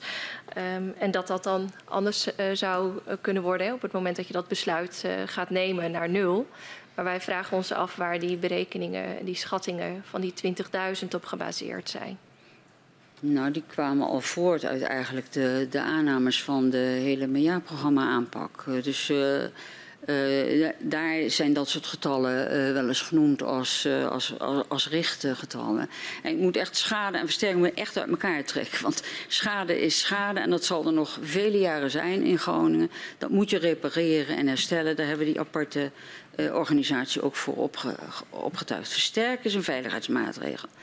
Uh, en de veiligheidsmaatregelen kan ook zijn verminderen van de gaswinning. Nou, in die combinatie zit het andere, andere spoor waar u naar vraagt. Uh, de aanvankelijke schattingen op basis van zeg maar, de, de 2015 uh, winningsniveaus en de toenmalige richtlijnen rond de weerbaarheid van huizen. En wat kunnen huizen aan als er seismiciteit in de bovengrond plaatsvinden. Dat waren die ordegrote getallen toen. Ja.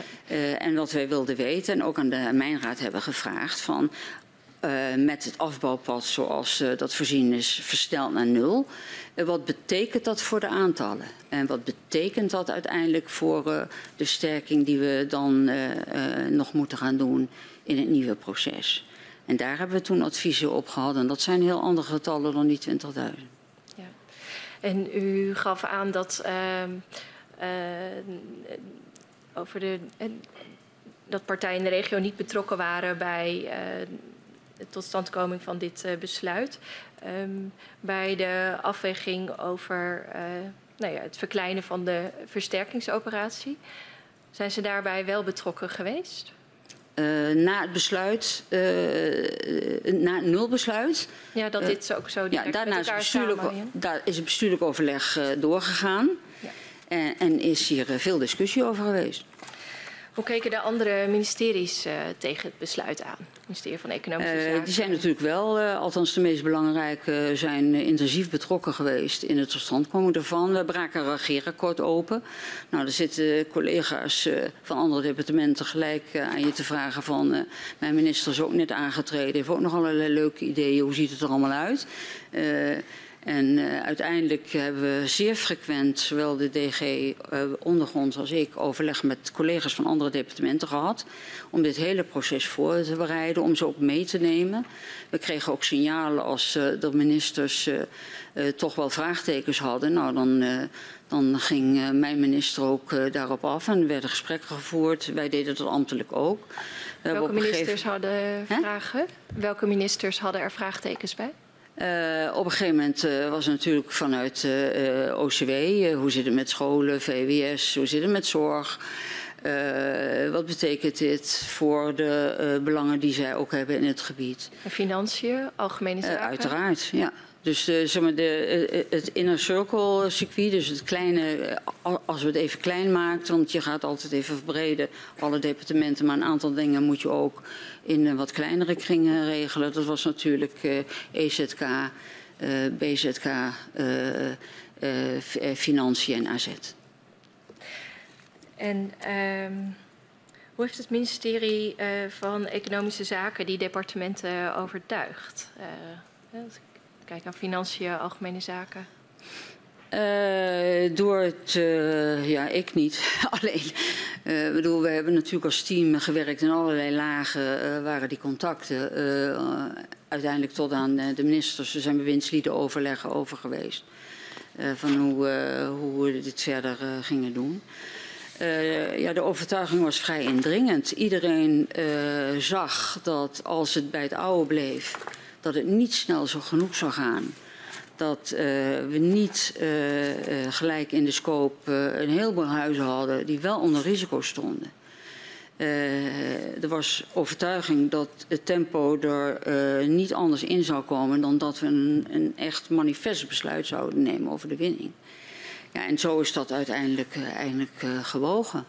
Hoe was de minister-president hierbij betrokken? Uh, regelmatig uh, natuurlijk via het overleg, maar sowieso via de ministerraad. Daar was ik natuurlijk nooit bij. Maar uh, er werd natuurlijk regelmatig over Groningen gesproken. Wij maakten dan ook wrap-up nota's en die gingen dan ook naar het kabinet. de standaard dingen. Er waren natuurlijk ook bilaterale. tussen de minister en, en, en de minister-president. Hierover, oh, hier ja, en ik had ook zelf contact met de, ja, de, de rechterhand zeg maar, van, van de premier. Die hield ik goed op de hoogte wat we aan het doen waren. Af en toe had hij ook een vraag. nou, dan werd intern binnen AZ weer even de stand opgenomen. En we hebben op een gegeven moment ook overleggen gehad tussen zeg maar, de SG's van Financiën, van EZK en, en van AZ. Met de DG's erbij over hoe doen we dit. En met welke boodschap uit die bilaterale overleggen met de minister-president kwam uw minister dan weer terug? Uh, draagvlak zoeken, uh, bespreken, bijpraten. dat soort. Dus ik ben er ook al bij geweest. En wat kunt u ons daarover vertellen, hoe, hoe dit ging? Het uiterst plezierige en duidelijke gesprekken. Politieke sonderingen, dat is heel, heel logisch. Uh, om detail kan ik daar natuurlijk niet op, op, ingaan. Maar uh, uh, het was meestal dat de premier geïnteresseerd was in de besluiten die wij namen. hoe ze werden voorbereid, de verhalen die erachter zaten. de inhoud, maar ook hoe krijg je het voor elkaar? hoe gaat het dan eruit zien? dus gewoon belangstellende, informatieve gesprekken over en weer. En uiteraard dingen kwamen samen bij bewindslieden overleggen en uiteindelijk uh, natuurlijk in het kabinet. Um, nog even voor mijn begrip hoe de, um, het traject op weg naar het nulbesluit en het traject uh, over de omvang van de versterkingsoperatie zich tot elkaar verhouden. Als ik het goed begrijp, um, heeft u voorafgaand aan het besluit naar nul de veronderstelling dat dat implicaties zal hebben voor de omvang van de versterkingsoperatie? Op basis van uh, wetenschappelijke consensus en ja. uh, de inschatting die daar gemaakt wordt. Maar de daadwerkelijke vraag, wat betekent dit voor de omvang van de versterkingsoperatie? Wordt die pas gesteld uh, zeg maar aan de kennisinstituten op ja. het moment dat het besluit genomen is? Ja. Oké, okay, dan... Ja. Ja, dat was de reden dat we hun ook uh, gevraagd hebben. En ook vooral gevraagd hebben om daar gezamenlijk naar te kijken. Want ze hadden allemaal verschillende expertises. En juist de stapeling daarvan, de samenkomst daarvan, die was interessant. Ja. Uh, en uh, we hebben ook gevraagd aan hen om vooral daar heel scherp elkaar op te bevragen en aan te spreken. Ja. we wilden het echt scherp hebben. En, de, en wat eruit zou komen, dat kwam er dan uit. Ik bedoel, zo hebben we daar ook in gezeten. Ja, daar komen we straks nog op terug, op wat er uiteindelijk uitkomt. Um, het besluit dat de gaswinning op een zo kort mogelijke termijn wordt beëindigd, wordt door minister Wiebes uh, met de Kamer gedeeld op 29 maart 2018. Was u betrokken bij het opstellen van die Kamerbrief? Ja. Dat, uh, um, uh, Wiebes schrijft daarin dat zijn besluit om versneld naar nul te gaan consequenties zal hebben voor de versterkingsopgave. Um, aan welke consequenties werd toen gedacht? Uh, aard, omvang, aanpak, tempo, uh, het hele... De hele operatie? Hele, ja. Mm, de minister schrijft ook, het is evident dat onveilige huizen snel moeten worden versterkt. Het kabinet wil overige onomkeerbare stappen opschorten tot er meer duidelijkheid is over de veiligheid. Ja. Ehm, wat is het opschorten van overige onomkeerbare stappen? Nou, er liep natuurlijk een operatie. En die kende een aantal stappen. Hè. De, de uh, ingeplande uh, opnames van huizen, de beoordeling, dus de doorrekening uh, daarvan. Dat ging overigens in het oude systeem per huis. Ja. heel veel ingenieurskunst werd vertoond om het echt op, op maat uit te, uit te rekenen.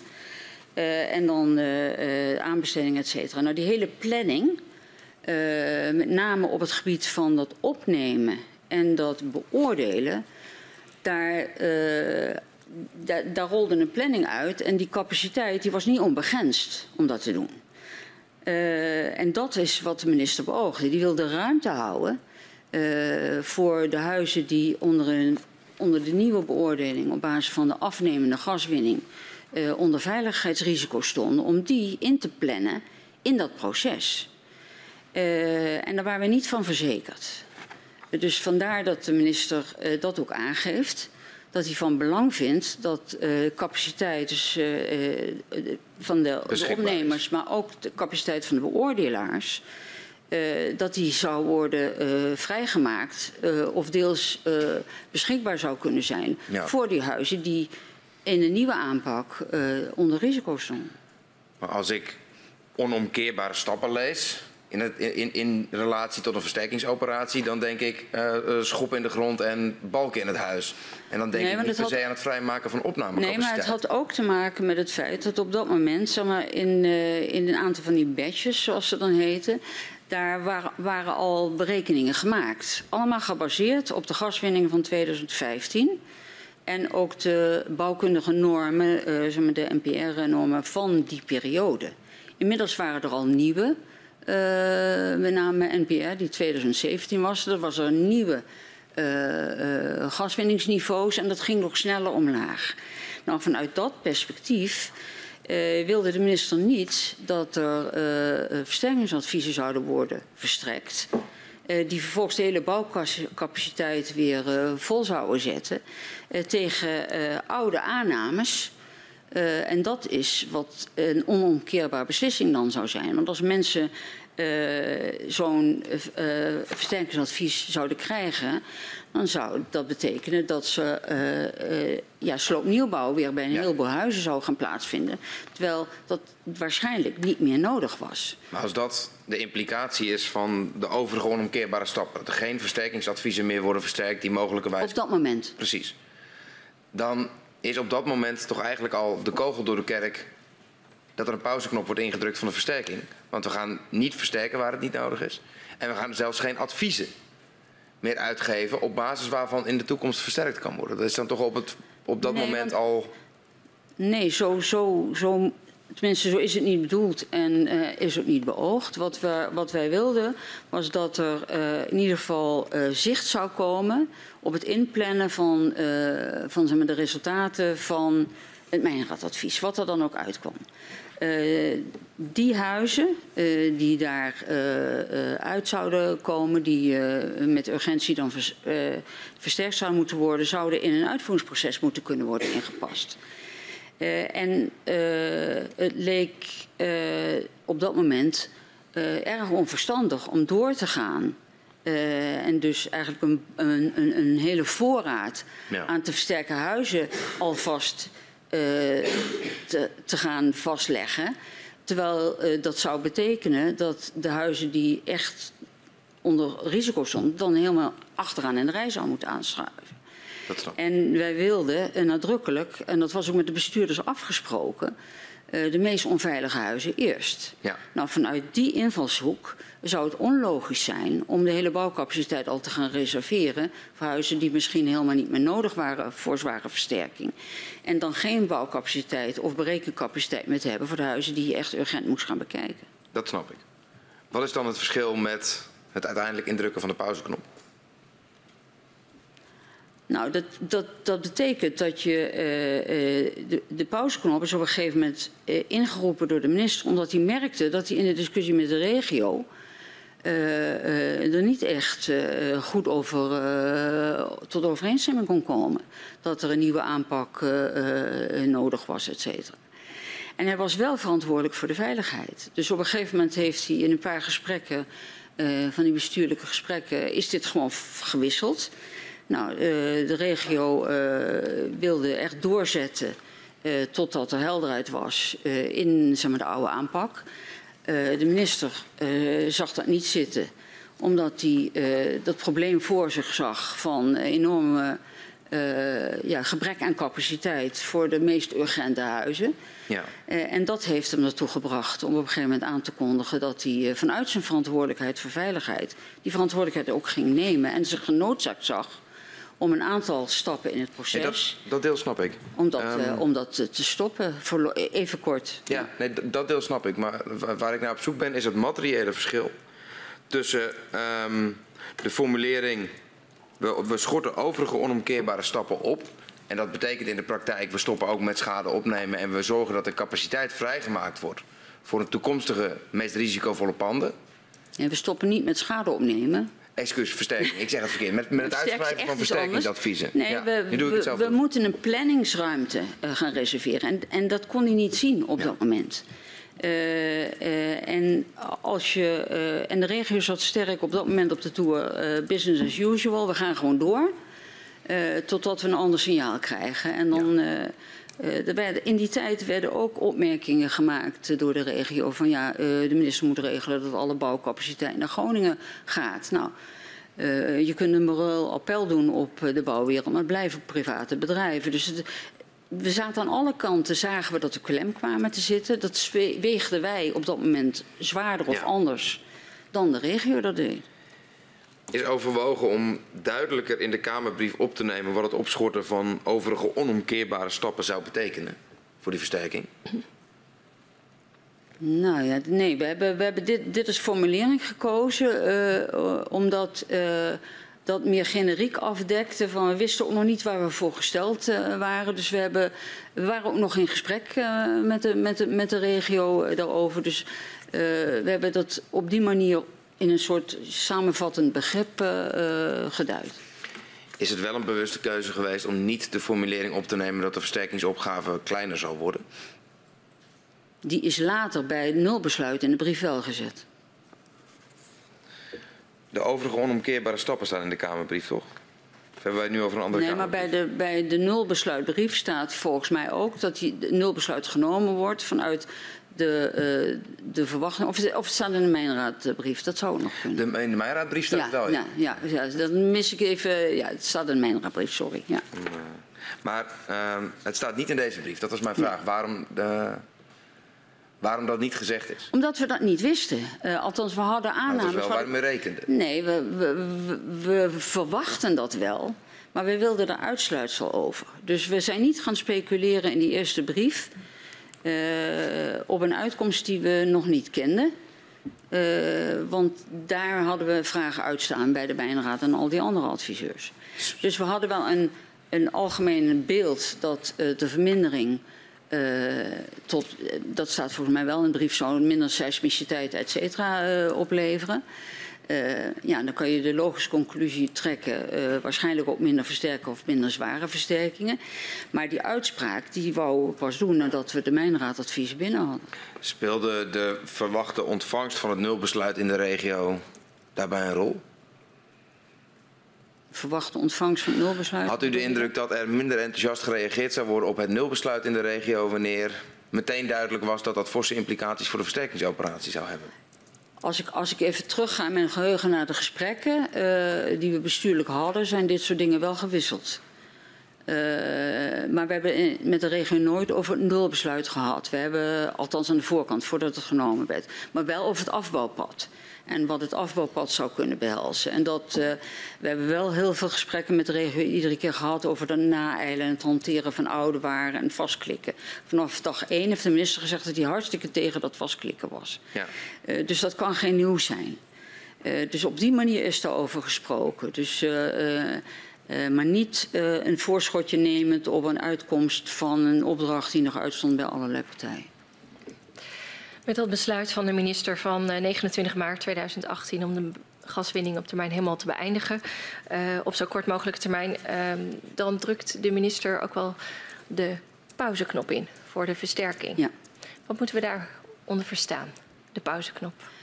Uh, dat had te maken met die capaciteit. Uh, dus uh, de minister heeft nooit bedoeld en ook niet opdracht gegeven om daar waar echt gewerkt werd, hè, dus waar sloop bezig was of nieuwbouw bezig was of waar verbetering, versterking aan huis werd aangebracht, om dat te stoppen. Dat is volgens mij ook niet gebeurd.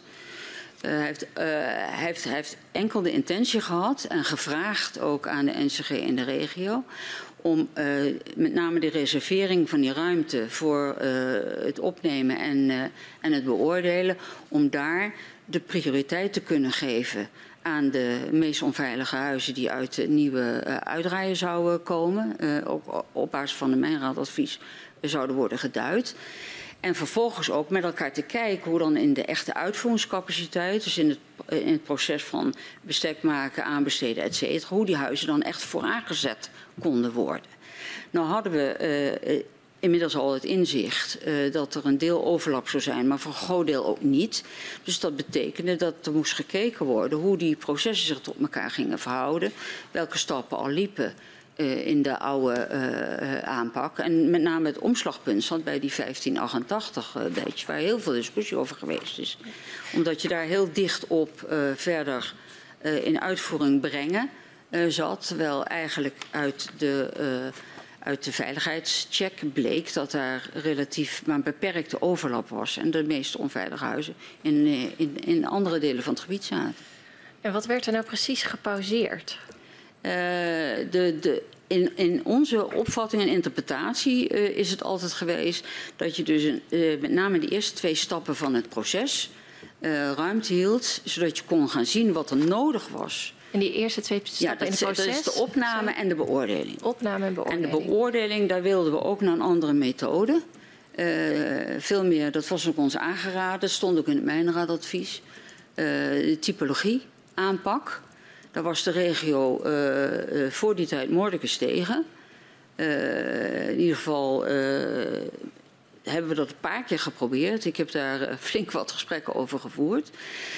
Werd toch geadviseerd door de, door de Mijnraad. Nou, wat betekende dat voor het proces, de tweede stap, voor het berekenproces? Nou, al dat soort dingen konden we niet overzien, moesten we opnieuw eiken, moesten we opnieuw gaan, gaan, gaan inrichten. Dat was de reden dat de minister zei, laten we daar nou niet ja, alles volzetten. En dat dreigde wel niet alles vol zetten? Ja, de, de, de, de, gewoon de, de opnamebeoordeling van de 1581 of de 1588, dat leek gewoon door te gaan. Althans, dat, daar zagen we uh, voor de kwartalen, dat ging per kwartaal, zagen we uh, voorstellen voor om dat gewoon te gaan doen. Nou, en dat wilde de minister niet. De minister wilde gewoon zich verzekeren van ruimte voor, uh, voor het kunnen doorrekenen en bekijken wat er nodig was in de meest onveilige huizen. Hebben de NAM of haar aandeelhouders een rol gespeeld om te komen tot dit besluit? Uh, bij het nulbesluit bedoel je? Nee, om te komen tot het besluit om bij deze uh, situaties uh, de pauzeknop in te duwen. Nee, dat heeft de minister eigenstandig gedaan. Er speelde wel een, een escalatie rond die tijd. Ja. Wat speelde dat, daar? Ja, dat was op een gegeven moment ergens in mei. kwamen wat, wat berekeningen van, van, van met name de NAM. En die gaven aan dat er een aantal huizen was waar, die niet aan de 10 tot en min vierde voldeden. Dus ver op afstand stonden van de 10 tot en min vijfde. En die lagen buiten de scope van het op dat moment draaiende uh, versterkingsprogramma van de NCG. Daar maakte de NAM, NAM zich zorgen over. Nou, en uh, toen is er in de bestuurlijke tafel is dat genoemd. En toen heeft uh, het CDK Paas heeft gezegd: oké, dan wil ik wel kijken hoe we dit indringende signaal om kunnen zetten in een soort prioriteringsvoorstel. Want er moest geprioriteerd gaan worden. En uh, die heeft toen gesprekken met een aantal experts gegaan. En die is toen teruggekomen aan de bestuurlijke tafel dat hij het niet voor elkaar kreeg om die prioritering van die. Nou, toch wel een duidelijk, uh, althans uh, kun je over discussiëren, maar wij vonden dat zeer urgente huizen, om dat geprioriteerd te krijgen. Nou, daar was de minister eigenlijk best laaiend over. Dus dat was voor hem extra reden om, om alert te zijn op, op, op gewoon de volgorde waarin huizen met een behoorlijke veiligheid, althans in de berekeningen, normatief berekend, dat die planningsruimte kregen om, om daar uiteindelijk te kunnen gaan bepalen wat daar nodig was. En daar was hij niet van verzekerd en daar werd hij ontzettend ongerust over. Op welk moment besloot de minister nu precies om die pauzeknop in te lassen? Een bouwstop was het niet. De pauzes. Oh, pauzes. Oh ja, ja. ik verstond pauze. Sorry. Nee, uh, dat, ja, dat is eigenlijk. Even kijken. Op het moment dat de opdracht was weggezet bij, bij zeg maar de, de Wijnraad. En in aanloop naar uh, het advies opleveren waar ze vrij korte periode voor hadden. Is eigenlijk op het moment dat, dat de opdracht was weggezet en dat ook gewisseld was met de provincie. En daar signalen qua provincie en de, en de, en de gemeentes in, in de bestuurlijke tafel. Wat, wat bedoelt u precies met de opdracht was weggezet? Nou, we hadden opdracht gegeven aan de Mijnraad. Uh, en dat is ook uh, bekendgemaakt ja. in de brief. En, en aan, aan, die andere partijen om ons uh, duidelijk te maken wat de consequentie zou, zou behoren te zijn op basis van het nulbesluit en het snellere afbouwpad voor de versterking. Ja. En op welk moment werden de bestuurders uit de regio nou precies op de hoogte gesteld van dat dit uh, zou hebben, gaan gebeuren? Nou, dat is op een gegeven moment. Uh, de minister heeft een bestuurlijke tafel hadden we. Uh, daar heeft hij geprobeerd. Uh, het was al eerder gezegd van we moeten hier wat mee. Uh, wat, en, en, toen in die bestuurlijke tafel, de dag dat die plaatsvond, heeft hij het nog een keer geprobeerd om met akkoord van de regio die planningsruimte te organiseren. En dat gesprek liep niet, dat liep vast. En uh, daar, we hadden toen twee dingen. We hadden uh, een voorbereiding klaar liggen om, uh, om op dat moment, omdat de minister had aangegeven, ja, als ik daar niet met hun tot overeenstemming kan komen, dan zal ik eenzijdig mijn maatregelen moeten treffen. Dat heeft hij daar ook aangekondigd. op welk moment was dit? dat is de, ja, de dag dat die brief uitgegaan is. Want die brief die hadden we klaar liggen. De brief? Van de pauzeknop. Van de pauzeknop. Ja. We hadden um, achter de hand klaar liggen, mocht het uh, overleg niet tot resultaat komen, uh, dat we hem dan uit konden doen. Want we wilden onmiddellijk uh, ook de Kamer erover informeren. Is dat 1 juli? Nee, dat, dat is eerder toch? Op welk moment Even kijken. in ja, de tijd? Even, even kijken, moet ik even zoeken mijn spullen hoor. Want, uh, u, u, geeft aan, dit is, uh, nee, het gemeld is op het moment van in de, in de, in de Kamerbrief de pauzeknop. Wij, wij, kunnen de datum eh, van de brief erbij. Nee, ik heb het even niet meer scherp welke, welke datum dat was. Ja. Um, ja, wij lezen dat op. Even kijken. Wanneer, wanneer wist de nationaal coördinator uh, van dat besluit van de minister om de pauze in te lassen voor deze badges? kan hem niet precies verstaan. Wanneer uh, wist de Nationaal Coördinator Hans Alders van het besluit om deze, voor Zelf. deze badges, die 1581, 1588, uh, alles stil te leggen? U zegt heel tijd stilleggen, maar we hebben uh, niet alles stilgelegd van wat er liep. Uh, maar als het gaat om van wanneer is het besluit van de minister dat die, die de pauzeknop indrukte. Dat hebben alle partijen tegelijk gekregen. Wat, dus de NCG. wat gebeurt er dan nog wel? U zegt uh, het ligt niet stil. Uh, dus in, dit heet nou, wat, de Wat er echt in uitvoering was. Er ja. waren gewoon, er werd in wijken getimmerd. Er, de, dat, ja. dat liep. Er waren mensen die moesten gaan verplaatsen naar een, naar een tijdelijke woning omdat hun huis zou worden aangepakt. Dat, dat is allemaal door de minister niet, niet geblokkeerd of zo. Nee. En um, op welk moment uh, wordt de nationaal coördinator hierover ingelicht dat dit eraan zit te komen? Uh, de pauzeknopbrief is trouwens van 22 mei. Ja, ja, ja. ja dat correspondeert met uh, wat ik. Ja. gelijk met de bestuurders. de Alders zat, Hans Alders zat op dat moment aan als adviseur bij de bestuurlijke tafels. Dus hij maakte al die overleggen mee. Werd ook gehoord daar, hoe hij naar dingen keek. En dus het gesprek over van moeten we niet, geen onomkeerbare beslissing meer nemen, moeten we niet ruimte reserveren voor et cetera, dat, dat, daar was hij bij.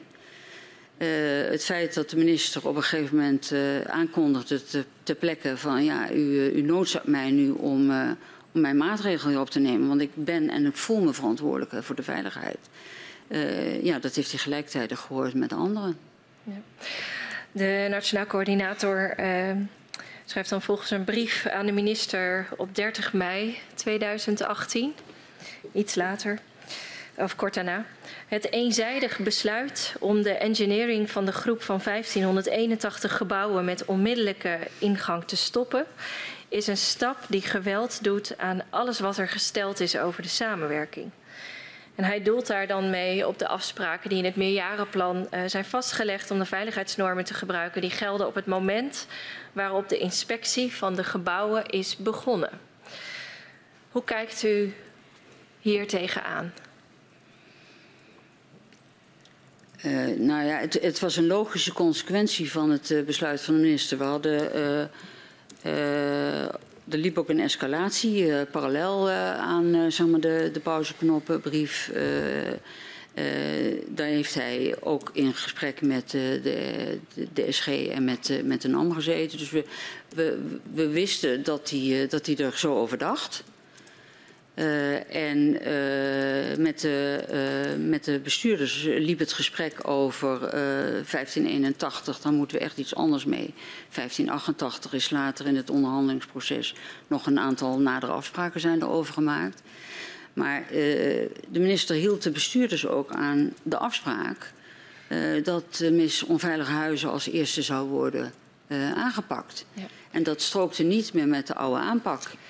Maar hoe, hoe werd dan meegewogen dat uh, die aanpak van deze groepen huizen, 1588, ze hebben een naam gekregen, die groepen huizen, 1581, dat daar mensen wonen die al uh, inspecteurs over de vloer hebben gehad uh, en waar berekeningen uh, voor worden gemaakt, waar al doorgerekende versterkingsadviezen voor een deel klaar liggen. Ja. Hoe wordt dat dan meegewogen? Dat is meegewogen, maar Hoe dan? ligt er bewogen, gewo gewogen in, in, in, in, in dat opzicht. Want... Kunt u ons meenemen in hoe die afweging dan plaatsvindt? Nou, het is ontzettend teleurstellend en heel vervelend voor die mensen. Er is ook, ook, ook nagedacht over ja, hoe kunnen we daar toch iets voor doen. Dus er zijn ook op een gegeven moment uh, is, hebben we het ook over compensatiebedragen uh, gehad om uh, de ellende die mensen hebben meegemaakt, et cetera, om dat op de een of andere manier toch te vergoeden. Uh, er zijn ook uh, gedachten geweest, uh, ook verder ontwikkeld over... kunnen we dan niet toch wat voor ze doen in de zin van een soort extra investering voor je huis of dat soort zaken. Maar we waren natuurlijk gebonden aan de opgave om de meest onveilige huizen... op veiligheid te brengen. En die zaten niet in de 1581, althans niet voor grote aantallen. Degene die in de 1581 zaten of in de 1588, eh, die worden gewoon uh, natuurlijk uh, aangepakt. En daar werd de versterking die nodig was en zou worden, of werd gecalculeerd, zou worden doorgevoerd. Maar het groot deel van die andere huizen, die, die kwamen niet meer voor in, in, in, in de onveiligheidshoek, zeg maar. En, en dat betekent dat je andere huizen moest gaan voorschakelen. Uh, dat wil niet zeggen dat gebiedontwikkeling daar niet zou kunnen of niet wenselijk was. Want het betrof ook voor een belangrijk deel wijken waar heel wat woningcorporatiebezit zat, wat echt ook wel aan renovatie toe uh, was. Nou, en dat uh, is ook nooit verhinderd. Alleen dan was het niet meer een veiligheidsopgave. En dan ging het om iets anders. en dat mag ook. er was ook budget voor gereserveerd in het Nationaal Programma Groningen om onder de titel leefbaarheid van alles nog te doen in de dorpen en, en, en, en steden van, van Groningen. Maar, hier maar wij waren georiënteerd op die veiligheidsopgave. Ja, maar hier zaten ook mensen tussen die uh, mensen op bezoek hadden gehad om hun huis te beoordelen, omdat ze ja. uh, onveilig woonden. Ook mensen die dat al te horen hadden gekregen. Ja, maar hoe dan werd dat dan gewogen? Nee, hoe maar kijkt dan, u daarop het, terug? het is ook een kwestie van eh, hoe je dan op een gegeven moment eh, dat, dat gaat proberen uit te leggen. Want dat is heel lastig uit te leggen. Ja. Maar de werkelijkheid verandert dus substantieel. Eh, dus we hebben ook wel op een gegeven moment het gesprek gevoerd, ook met de regio, van ja, we moeten gewoon heel duidelijk ook zijn hoe het zit met, met de veiligheid. En eh, daar kun je niet voor weglopen. Eh, het betekent wel dat je je de consequentie moet realiseren van het feit dat er eh, beloftes of, of, of andere dingen aan mensen zijn gedaan. Dus leg uit en zeg wat je, wat je daar nog kunt doen of eventueel wil betekenen in de sfeer van duurzaamheid of anderszins. Maar we, we moesten ons wel oriënteren, althans het was onze, onze lijn, eh, veiligheid eerst.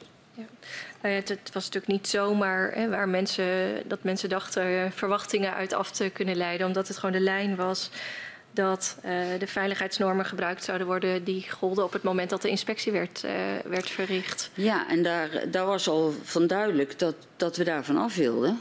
Eh, en de, de, Welke is- gevolgen heeft dit gehad voor het vertrouwen van bewoners en bestuurders uit de regio? Ja, ik denk dat dat eh, eh, altijd heel lastig ligt. We Maar hebben- specifiek dit besluit van die pauzeknop. Dus kort daarvoor is het besluit, ook grote euforie in Groningen, dat de gaswinning helemaal beëindigd gaat worden. Veel sneller dan gedacht. Ja, en vanuit dan veiligheid. kort daarna wordt zo duidelijk dat er huizen die op de nominatie stonden om versterkt eh, te worden, dat het allemaal stilgelegd wordt. Ja, niet allemaal stilgelegd, maar vooruit dan val ik in herhaling. Eh, kijk, eh, het, het be- besluit om de gaswinning sneller terug te brengen was een heel directe veiligheidsmaatregel. Het feit dat het huizen eh, raakte die nog helemaal nergens. Die mensen wisten nog van niks. Daar maakten wij ons grote zorgen over. Die moesten nog aan bod komen, die moesten nog opgezocht worden. Er moest nog eh, naar gekeken worden welke huizen dat precies waren. En aan huizen, gebouwen heb je niks. Je moet adressen hebben en daar wonen mensen. Dus die mensen moeten weten waar ze aan toe zijn. Dat gold natuurlijk ook van die mensen die in die oude aanpak zaten. Eh, we hebben in die tijd eh, wel eens discussie gehad. eh, eh, ja, hoe leg je dat uit? Je kunt op een gegeven moment zeggen. Eh, fijn, de gaskraan eh, wordt versneld dichtgedraaid. Dat betekent heel veel voor de veiligheid van Groningen. Uw huis eh, is misschien al volledig veilig. In ieder geval gaan we nog kijken. En als er wat aan moet gebeuren, dan gebeurt dat. Eh, of je kiest het frame van de minister, gunt je geen nieuw huis. Nou, in dat laatste frame eh, kwamen we een beetje terecht, politiek gezien. Eh kun je van alles van vinden. maar dat maakte de uitleg naar mensen niet makkelijker. Eh, mensen die in die situatie zaten van ja, ik dacht dat ik in een eh, uitvoeringsritme zat en nou eh, blijk ik daar weer niet in te zitten. We hebben daar later ook nog eh, nadere keuzes in moeten maken. Want bijvoorbeeld bij de, de nieuwe aanpak eh, bleek ook dat eh, als je naar gebouwen kijkt, dan moet je op een gegeven moment naar adressen. Dan worden het altijd meer. Er zaten een aantal logica-vragen eh, bij. Dus op een gegeven moment kregen we ook steeds meer. Want de, de, de Mijnraad noemde 1500. Nou, als je daar even goed naar ging kijken, was, waren er meer adressen. Nou, zo is dat successievelijk ook verder uitgewerkt. Eh, en eh, er is op een gegeven moment ook een advies geweest eh, van, van de SODM om ook huizen op een veel hogere veiligheidsniveau dan nationaal nodig was. Om ook even te kijken hoeveel dat er zijn. Dat waren de P90. Die hebben we toen op een gegeven moment ook in de nieuwe operatie gezet. Nou, daar kwam je ook op een heleboel getallen. Er zit, iedere keer is ook gekeken hoeveel zit de overlap met die oude aanpak. Zodat we mensen die in die nieuwe aanpak eh, eh, toch weer met een huis zichtbaar waren, dat we die in ieder geval eh, door konden zetten. Er zijn ook afspraken gemaakt om een aantal toch tegen de oude, oude metingen en de oude berekeningen te versterken. Omdat we niet logisch vonden om daar om weer aan te gaan kn- eh, aan te gaan knabbelen. Niet logisch. Maar ja, zo moet je wel telkens uitleggen wat je aan het doen bent. Ja. En ik begrijp dat, uh, dat uh, een heleboel mensen zich daar gefrustreerd door voelen en, en het als onrecht hebben ervaren. Dat hebben we geprobeerd te verzachten. maar uiteindelijk was onze opdracht wel zorgen dat Groningen veilig wordt. En als dat veld aan het verschuiven is qua trillingen naar een ander gebied dan waar die eerdere operatie uh, uit, de uitvoering liep, dan kun je niet anders dan dat anderen serieus nemen en dan moet je daar aan de slag. Ja. En u heeft duidelijk gemaakt dat de verwachtingen die dit uh, voortraject al bij de mensen had gewekt, dat die uh, lichter gewogen werden dan de andere afwegingen.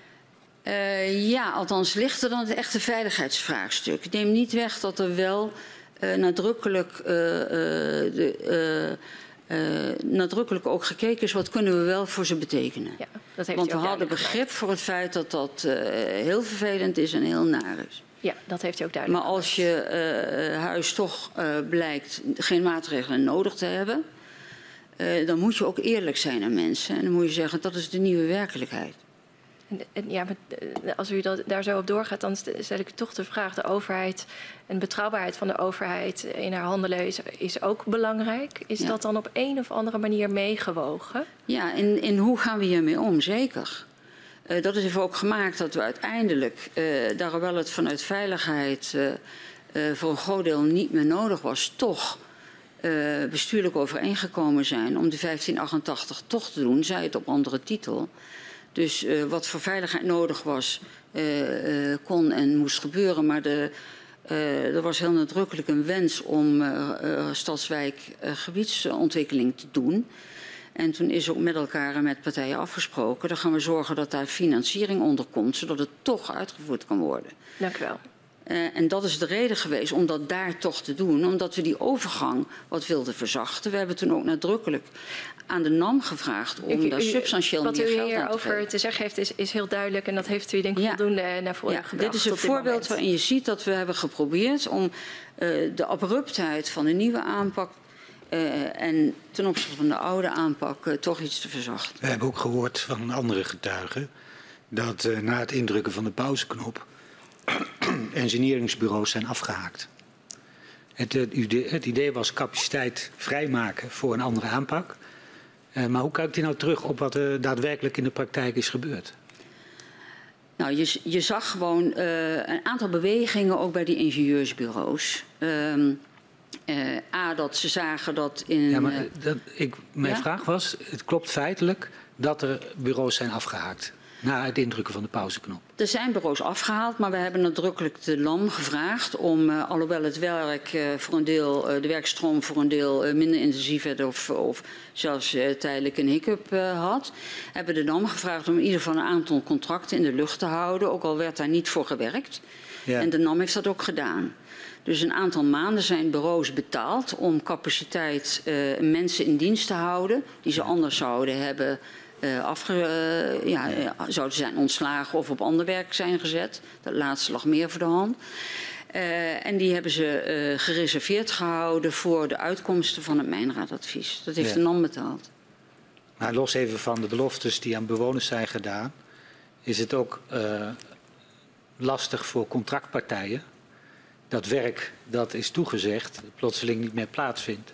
Ja, dat moest dus ook uh, financieel geregeld worden. Dat ja. is ook uh, gebeurd. En uh, ze moesten natuurlijk ook perspectief hebben op wat gaat er dan daarna gebeuren. Ja. Dus we hebben heel indringend, zelf dan niet, maar via de NAM de gesprekken gevoerd, laten voeren met ja. de ingenieursbureaus. Om te zorgen dat er wel capaciteit bleef.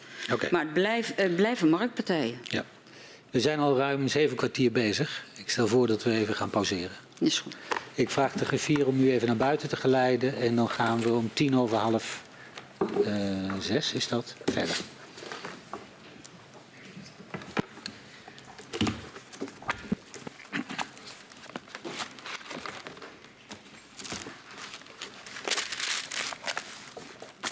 Ik uh, schors de vergadering tot uh, tien over half zes.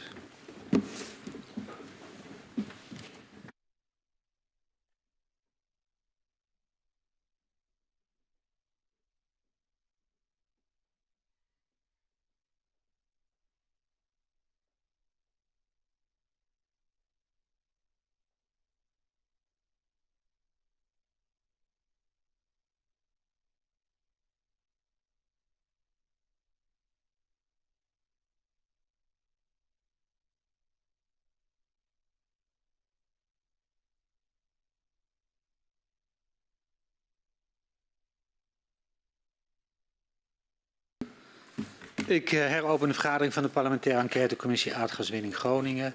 Aan de orde is het vervolg van het verhoor met mevrouw Wouters. En ik verzoek de griffier naar, naar binnen te geleiden.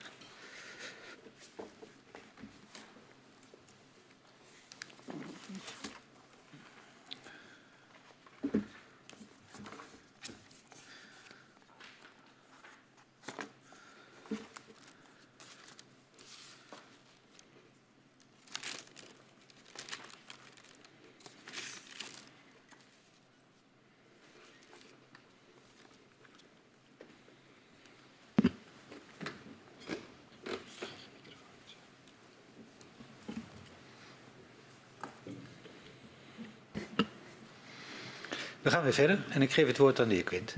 Ja, uh, vlak voor de onderbreking had u het al met mijn collega Van der Graaf over uh, de afscheidsbrief van uh, de heer Alders als Nationaal Coördinator Groningen. Hij schrijft daar onder meer in, ik kan mij niet aan de indruk onttrekken dat in een aantal gevallen met dédain over de NCG wordt gesproken en dat de Nationaal Coördinator wordt neergezet als de belichaming van de huidige vermalendijde versterkingsaanpak. Herkent u dat? Nee. Dédain niet, nee. Um, in uw, uh, aan het begin van het gesprek zei u al wel kort in een uh, bijzin dat in uw kennismakingsgesprek met minister Wiebes hij al wel het voornemen uitte om uh, weer zelf te gaan over dingen waar hij uiteindelijk voor verantwoordelijk was. Ja.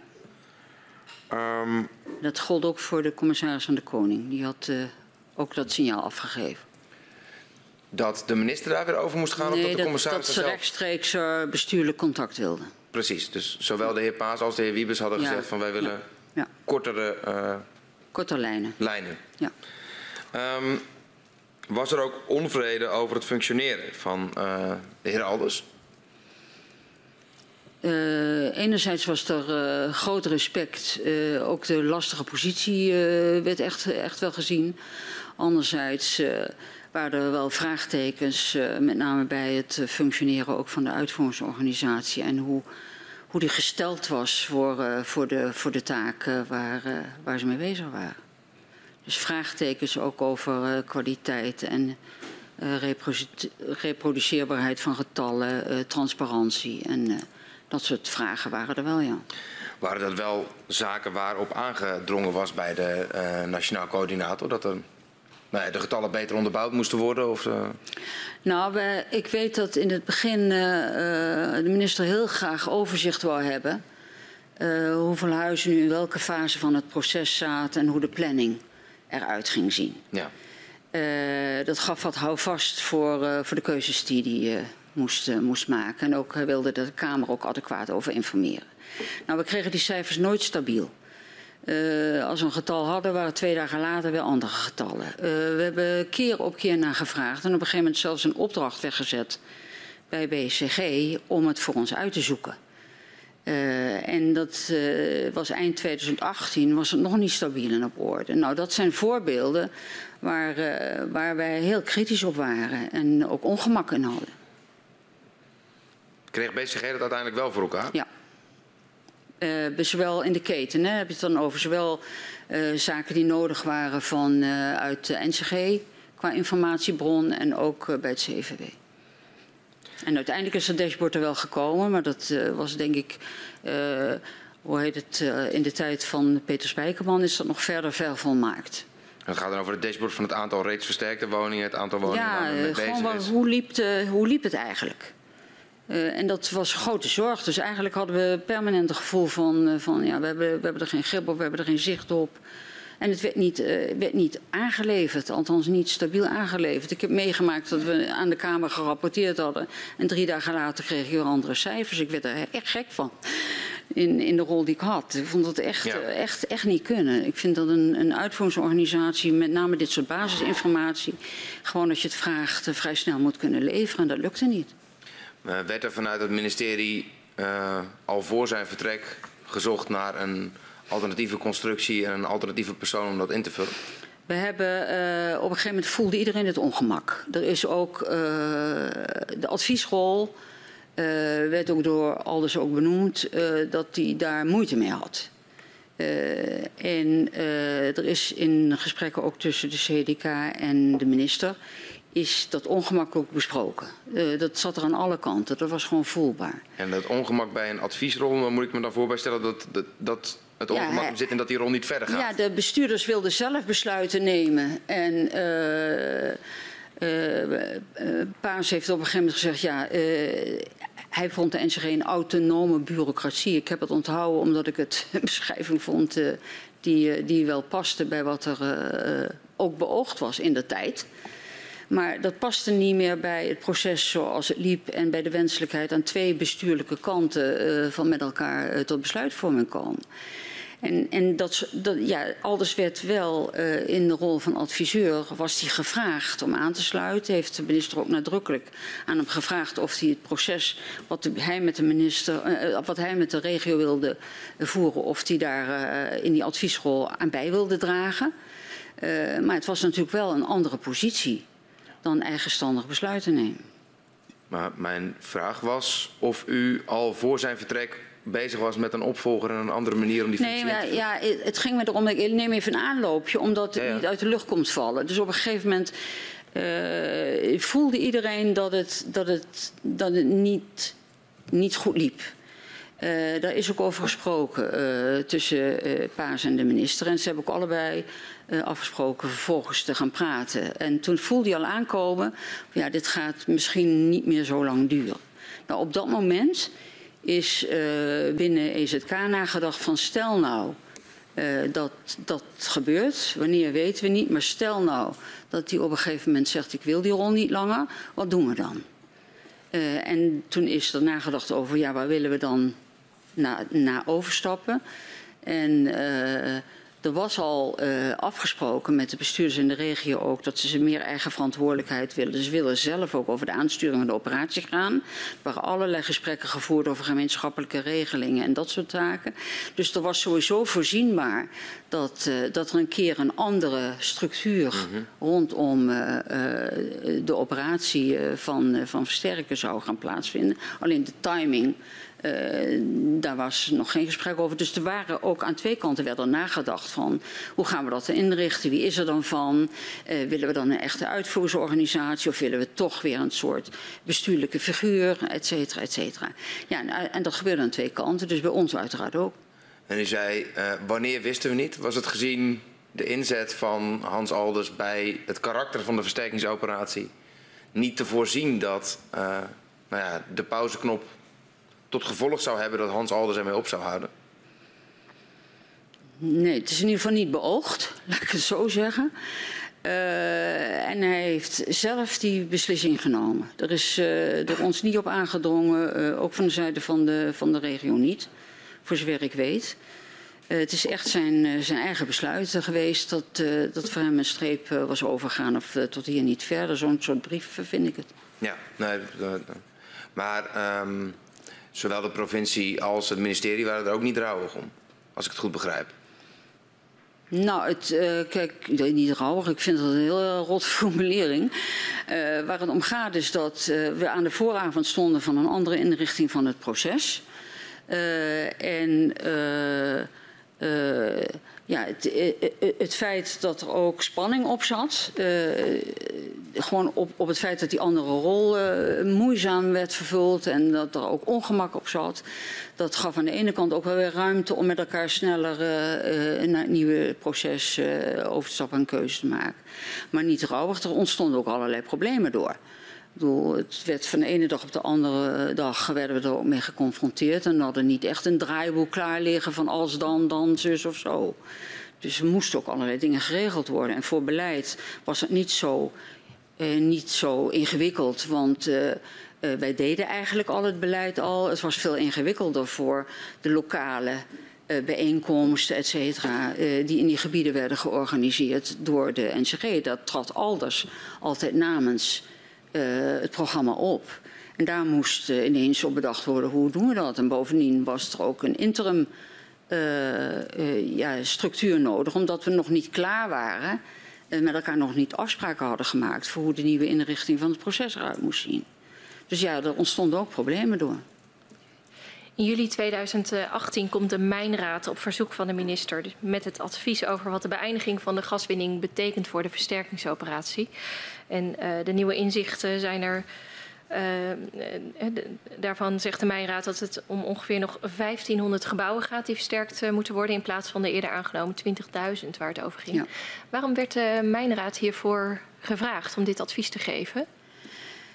omdat ze in staat was om om een heleboel expertise te bundelen. Er zat ook heel veel expertise die uh, relevant was voor het vraagstuk. Uh, ze waren natuurlijk veel meer gespecialiseerd en, uh, bekend in het adviesproces rondom de winning. Ja. Uh, maar juist dat is ook de aanleiding voor de vraag. Ja, en daarom, ja, dat vermoed ik al. Mijnraad nog niet. Nee, vermoed ik al. Vandaar dat ik het ook uitleg. Dat we niet alleen de Mijnraad uh, hebben gevraagd, maar ook al die andere partijen. Ik herinner me nog heel goed. Wie kwam er op het idee om de Mijnraad hiervoor te vragen? Uh, op een gegeven moment waren we heel praktisch. We hadden snel een advies nodig en we hadden een openstaande afspraak waar ook geld achter zat. Uh, moesten een partij hebben die voldoende onafhankelijk uh, dit advies kon maken. En ook de statuur had om andere partijen naar zich toe te trekken in andere expertisevelden. En we waren heel praktisch. Wie kwam er op het idee om de Mijnraad te vragen? Uh, dat ontstond in de interactie tussen, tussen mijn team en het ondergrondse team. We zochten vanuit bovengronds naar een oplossing van waar kunnen we dit wegzetten. En toen heeft het ondergrondse team aangeboden van nou we hebben dat contract nog, eens kijken of ze het kunnen. En toen zijn er allerlei voorwaarden aan, uh, aangesteld van wat moet er dan allemaal uh, in zo'n eventueel uh, alliantie van partijen die dit, dit kan doen. aanwezig zijn qua expertise. En zo is op een gegeven moment de Mijnraad gevraagd vanuit een centrale positie, de SODM ook, uh, gevraagd vanuit haar specifieke rol als inspectie. En al die andere partijen zoals TNO, NEN, uh, KNMI, et cetera, die uh, hebben ook opdrachten, deelopdrachten gekregen. Ja, en u zei net, de Meiraad was voldoende onafhankelijk. Waarom ja. geeft u dat zo aan? Nou, omdat we natuurlijk wel wisten dat het een opdracht was waar heel veel gevoeligheid uh, omheen uh, zat. En wij wilden zo objectief mogelijke uitkomst waar we politiek dan samen met de regio mee verder zouden kunnen. Dus we hadden groot belang bij dat het partijen en partijen waren met voldoende wetenschappelijke statuur, kennis. En ook voldoende in staat om zo'n proces snel te doen. Want we wilden ook graag snel een advies. Nou, uh, mijn raad had het in het verleden ook al bewezen dat ze vrij snel tot advisering in staat uh, waren. Dus dat paste allemaal op, op wat we wilden. En hoe werd het advies ontvangen door de minister? Door de minister? Ja. Uh, ja, die, hoe heet het, die was er blij mee. Het was snel geleverd. Het, het, was, het, het noodzaakte ook wel tot weer opnieuw een aantal dingen verder uitzoeken. Maar het was een vrij helder advies, goed gemotiveerd. en ook wel samen met, met andere partijen gemaakt. Dat konden we eraan zien. Dat werd ook duidelijk aangegeven. En ja, het, het, het, kwam op tijd, dat was ook wat waard. Ja. En op de inhoud? De inhoud gaf aan dat wat we al vermoed hadden, uh, dat dat klopte. Dat je, uh, dat je de indicatie had dat er, het ja, in dit geval gebouwen, hè, dus gebouwen zijn nog geen adressen. en dan worden er altijd meer, want daar wil je uiteindelijk naartoe. Je wil naartoe naar de mensen die in het huis wonen en die je zekerheid wil geven. het leek een behapbare uitvoering te kunnen worden. Uh, en en dat, uh, dat was allemaal positief uh, op het scenario wat we, wat we hoopten dat eruit kwam. En wat was volgens u een realistisch aantal huizen dat op jaarbasis versterkt zou kunnen worden op basis van dit advies? dat hing ontzettend af van wat er moest gebeuren. En dat heeft de Mijnraad niet gezegd. dus dat vroeg toch weer dat je gaat kijken, dat je gaat rekenen. Dus de Mijnraad heeft geduid de aantallen maar niet de zwaarte van de maatregelen. Dat is heel specifiek, wel in algemene zin, maar niet specifiek. Dat kon, uh, dat kon ook niet op dat moment. Uh, we zien uh, dat in september de werkvoorraad in september 2019 groeit naar 26.000 mogelijk te versterken adressen. Dat is wel wat anders Ja. dan de 1500 die Ja. de Mijnraad in het advies aanvankelijk had weergegeven. Hoe verklaart u die toename? Nou, dat, dat moet ik echt uitleggen, want ik denk dat dat vrij cruciaal is. Kunt u dat bondig doen? Ja, ik ga proberen dat te doen. Eh, de Mijnraad noemde de 1500. Dat is vanuit het 10 tot de min 5 veiligheidsvoorschrift. Eh, en eh, de algemene manier waarop je dat benadert. Dat heet P-min, heet dat. Dat noemden wij in onze notas altijd P50. Eh, dat waren de 1500 gebouwen. Maar gebouwen zijn, zoals ik net al zeg, dat zijn niet adressen. Daar kunnen flats tussen zitten. Eh, als je kijkt naar een huis of een plek die geduid wordt, een gebouw, dat blijkt ineens veel meer combinatiewoningen te zijn. Dus aan elkaar geschakeld. Dus er is altijd gezegd, dit, komt uit een modelmatige benadering, maar je moet gaan kijken. Dus dat hebben we ook eh, gevraagd aan de NCG om dat te doen. Dus die heeft die gebouwen omgezet naar adressen op basis van een bepaalde logica. We hebben dat toen, we noemden dat eh, de op, eh, opwerking. Eh, en dat leidde tot een, een zekere extra aantallen. Die vanuit een logica geredeneerd, als je er ging kijken, behoorden tot die groep waar je nadere metingen moest, moest gaan doen, op moest gaan nemen. Nou, dat was P50. Maar vervolgens hadden we ook nog, niet alleen mijn raadadvies, maar ook een indringend advies van de SODM. Dat ging verder. SODM gaf op dat moment aan, wij vinden dat we toch nog wel wat onzekerheden hebben hoe het veld eh, qua eh, aardbevingen zich gaat ontwikkelen. Het schuift, maar hoe schuift het precies? Dus die heeft toen in haar advies gezegd dat ook P90 woningen moesten worden bekeken en moesten worden opgenomen in het programma. Dan heb je het over een veiligheid die vele malen hoger is dan wat in Nederland vereist is. Maar dat is op een gegeven moment aangegeven door SUDM als een soort extra zekerheid, opdat je zeker weet dat je goed gekeken hebt naar de huizen die mogelijk uh, onveilig zijn. Dat werden er dus van 1500 had je ineens op een 7000, die dan vervolgens ook weer door de NCG omgezet worden in, in, in adressen, et cetera. Dat koerste zo richting de, de 10.000 toen ongeveer. Meen ik Dan zitten we nog niet op de 26.000. Nee, want daar gebeurt dan vervolgens nog wat. Uh, we hebben uh, aanvullend advies gehad, ook van uh, de Mijnraad. En die zeiden, ja, dat moet je eigenlijk moet je dat uh, P90 uh, moet je eigenlijk van jaar tot jaar herijken. Uh, de hoogleraren hebben een advies gegeven, die zei P90 moet je helemaal niet doen. Uh, is onzin. Uh, niet nodig. Is veel zwaarder dan nodig. Dus uiteindelijk zaten wij met dat. Daar moesten we op een gegeven moment een politiek besluit over nemen. Toen hebben we gezegd: ja, je kunt mensen niet aandoen dat ze de ene jaar op een lijst staan.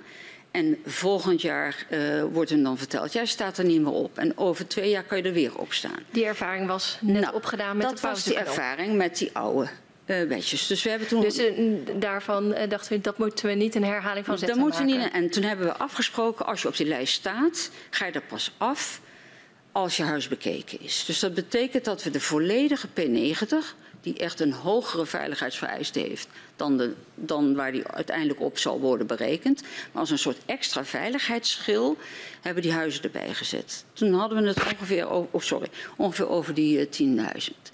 Vervolgens is door de regio aangegeven, ja, maar we willen ze toch in gebiedsgerichte aanpak uh, proberen uit te voeren. Ze wilden de veiligheid invlechten in gebiedsgerichte aanpak. Dat is op een gegeven moment ook uh, toegestaan. Ga maar kijken wat dat betekent. We hebben de SODM toen ook gevraagd: van willen jullie er wel op toezien? Want we hebben een afspraak: de meest onveilige huizen eerst. Dus die plannen kunnen worden gemaakt. Daarbinnen kunnen we ze plaatsen. Dat betekent straks wat voor de uitvoering. Nou, en daar zijn toen nog uh, de huizen ook bij uh, gevoegd die al op de rol stonden. De afspraken die we gemaakt hebben rond de 1588 gaan toch gebeuren. Maar er zijn op een gegeven moment ook uh, logische verbanden aangebracht. In wijken, straatjes, et cetera. En daar zitten dus ook een heleboel, in die 26.000 zitten een heleboel grijze huizen, zoals we dat noemen. Huizen die niet P50 of P90 risico uh, hebben, maar wel logisch in een gebiedsgerichte aanpak zouden passen. Dus die Omdat plannen, ze in dezelfde straat of wijk Ja, zijn. wijk of daarnaast zit. Of, dus dus uh, door, de, uh, door telkens die stappen te zetten, werd het ineens ontzettend veel huizen die in de plannen zitten. Maar dat wil niet zeggen dat ze allemaal een sticker hebben, potentieel onveilig.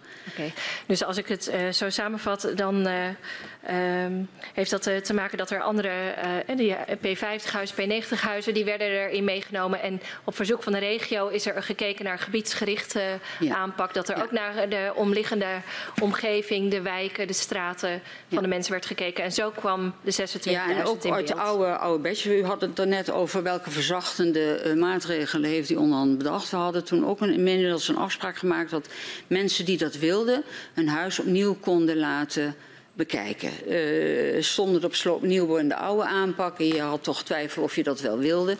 Uh, dan kon je uh, je melden en kon je zeggen: Ik wil toch een herberekening van mijn huis. Die zitten er ook bij. Die zit er ook bij. Uh, en dus, dus zo, zo telt het telkens op. Dus wij we zitten nu in een, in een proces.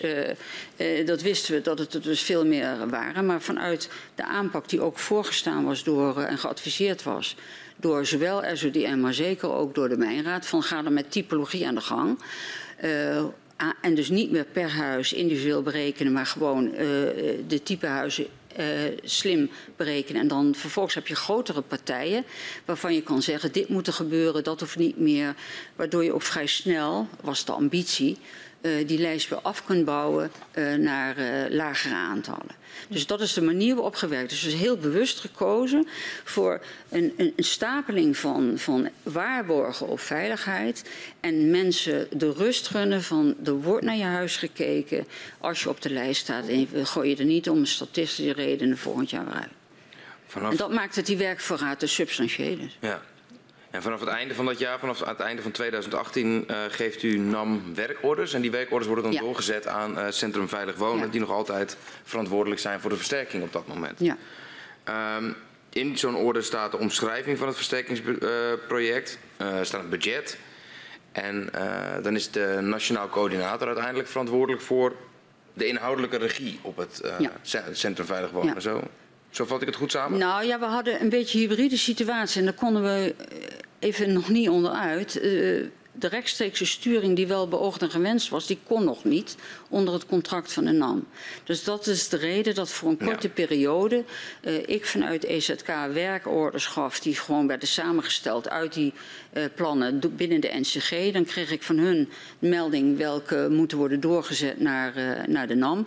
Dan gaf ik een workorder. De NAM regelde dat, dat dan CVW aan het werk ging voor de processtappen waar het CVW voor verantwoordelijk was. Dus dat was een formele dus noodzakelijkheid? Het, ja, dat, dat kon niet anders vanuit de juridische verantwoordelijkheid. En we wilden per se zeker weten dat de uitvoeringsketen niet onderbroken zou worden. Uh, en dat de stekker uit het CVW ging. Dus we hebben om die reden ook uh, ja, op, op die hybride manier even een tijdje ja. moeten werken. Dat kon niet anders. Belemmerde die constructie uw inzicht in wat CVW met die werkorders deed? Of maakte dat in de praktijk heel weinig uit? Ik, dat laatste verstond ik niet. Of, of uh, die constructie via NAM, of dat het zicht dat u probeerde te hebben op de uitvoering bij Centrum Veilig Wonen belemmerde?